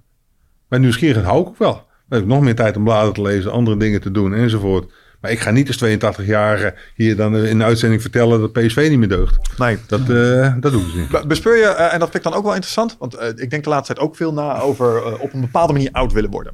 En wat ik al bij mezelf een klein beetje bespeur is een, en ik zie bij jou die nieuwsgierigheid nog helemaal aan zijn, maar ik begin mezelf ook al, som, bijvoorbeeld sommige tooling, weet je wel, word ik weer uitgenodigd voor van een nieuw tooltje binnen het team, denk ik, zo de erop met je nieuwe tool, ik ga het allemaal niet gebruiken, ik heb geen zin om erin te verdiepen. Dus, en eerder was dat, oh kijk een nieuwe tool, helemaal erin. Dus eh, ik merk al bij mezelf dat, dat, dat, dat ik iets nauwer word in mijn interesses of iets selectiever misschien wel. Ehm, maar bij jou ziet je nieuwsgierigheid misschien juist wel Nee, maar ja, wat, wat, ik al zeg, kijk, als je jong bent, dan denk je dat je dingen, heel veel dingen kan. Ja. En ehm, de uitspraak die ook in een van die boeken staat, hoe ouder je wordt, hoe meer op jezelf gaat lijken.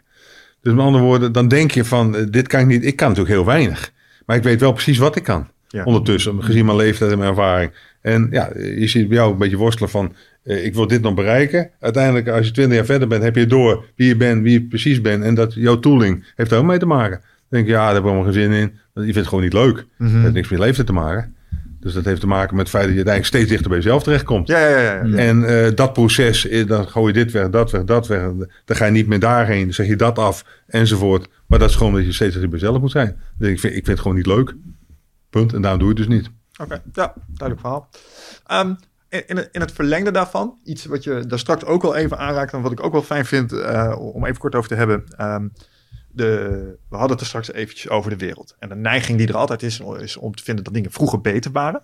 Ehm, terwijl ik juist vind dat we, hè, als je kijkt naar, als je de staat der wereld in een grafiek zou uitdrukken, ben ik nog steeds de mening toegedaan dat het een beetje is als de beurs. Het, is wel grillig, maar het gaat nog steeds naar rechtsboven. Hè? Kwaliteit van leven, levensduur, eh, honger, eh, aantal moorden. Het, het lijkt goed te gaan met de wereld. Maar tegelijkertijd hoor je ook heel veel dingen van climate change, nieuwe, eh, nieuw economisch systeem. eh, co- corona was natuurlijk een deel. En, en ik merk dat dat nog wel eens eh, zaagt aan de poten onder, onder de stoel van mijn positieve wereldbeeld. Ik ben een techno-optimist. Ik denk, wij gaan ooit naar de sterren als mensen. Maar soms vind ik het moeilijk om dat, dat idee vast te houden, gelet op wat ik dan zie. Misschien is ook omdat er heel veel informatie is. Ehm, hoe ervaar jij dat? Als jij naar de toekomst kijkt, ben je dan... Steek nul, steek nul energie. Oh, heel interessant. Onbeheersbaar. Zeker. Maar je kan Want toch je weet zeker dat de wereld er over vijf jaar anders uitziet dan je ooit bedacht hebt. Zeker. En eh, ik hou me vast aan grote systemen. De wereld past eraan. Ja. aan het hele verhaal. Ik, ik ben ook, eh, ik heb ooit in de milieuwereld gewerkt. Eh, ik heb alle milieudiploma's een keer gehaald. Eh, ik ben de Milieuprijs Nederland nog een keer gewonnen met de gemeente Harderwijk toen ik daar werkte. Ja, om even aan te geven. Ja, dat vond ik ook leuk toen. Diverse gast ben je toch? Ja, nee, maar om even aan te geven. Dus ik heb daar meegemaakt wat er allemaal op milieugebied be- be- be- begon. En het was Ja. toen een periode waar iedereen allemaal zag aankomen dat het niet goed gaat. De wereld past zich aan. Of het nou is dat de olie minder wordt of dat er eh, de CO2... eh, ja, de wereld past altijd aan. Ja. En daar, daar geloof ik dus in. En daar gaan we over nadenken hoe we dat moeten gaan aanpassen, wat we moeten saneren, hoe we dingen gaan anders gaan organiseren. Dus ik, eh, ik zie wel wat er gebeurt. Ik zie de tendens, want daarom Ja. lees ik al die bladen en probeer ik nieuwsgierig te blijven hoe het in elkaar steekt. Maar ik heb ook wel door dat dat allemaal goed komt. Ik bedoel, als je maar oud genoeg wordt, heb je beurscrisis meegemaakt. Ja, ja. Je hebt allemaal ellende meegemaakt. Ja, ehm, ik heb er altijd een vijf van gemaakt. En, en weer door. En tot nu toe hebben we tot dit gebracht. Dus ik maak me zo druk over. Ja, ja maar dat- niet vanuit de naïviteit. Ik bedoel, want zo kan je het ook zien. Eh, ik denk dan dat er oplossing komt op het moment dat het zover is. Ja, oké. ja. Want eh, ik, ik kan nu alvast een voorspelling doen. Eh we gaan ze allemaal elektrisch rijden. En ons systeem van elektriciteit deugt natuurlijk niet meer. Dat kunnen we alvast voorspellen. Nou, tegen die tijd, eh, de iPad hebben we nu. We hebben de telefoon nu. We hebben andere dingen nu. Dus de elektriciteit gaat ze ook wel oplossen. Dat gaat natuurlijk een keer fout. Dat, dat, dat, eh, dat ga ik nu vast voorspellen. Hmm. Maar ik maak me niet druk, want dat wordt opgelost. ja, dus ons adaptieve vermogen, we passen eigenlijk... eh, Ik heb nergens iemand gehoord over het feit dat er nu in staat dat we twee kerncentrales gaan bouwen.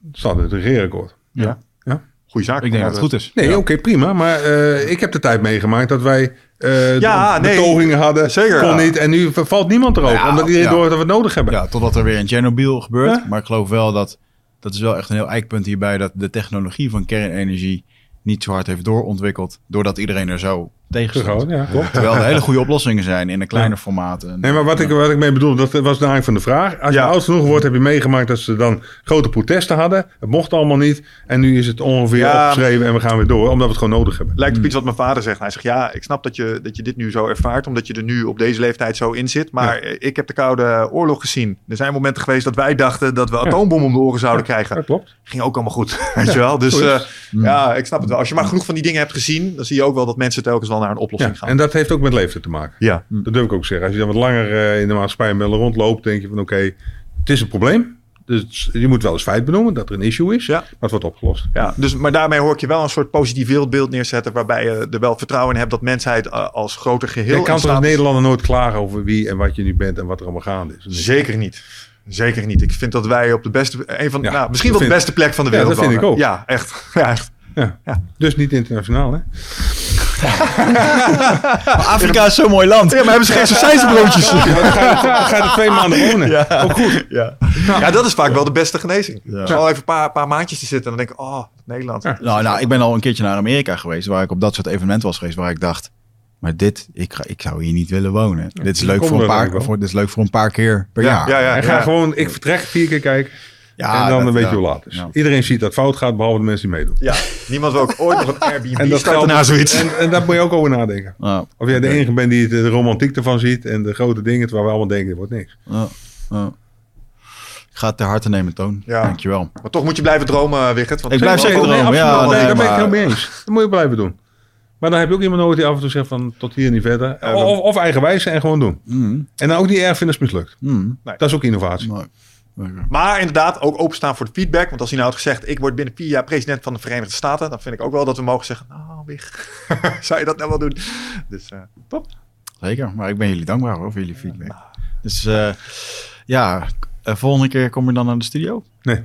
Nou ja, dat, is ook veel leuker. Het is ook veel leuker om het hier te Ja, doen. mogen we Ja. nog een keer terugkomen?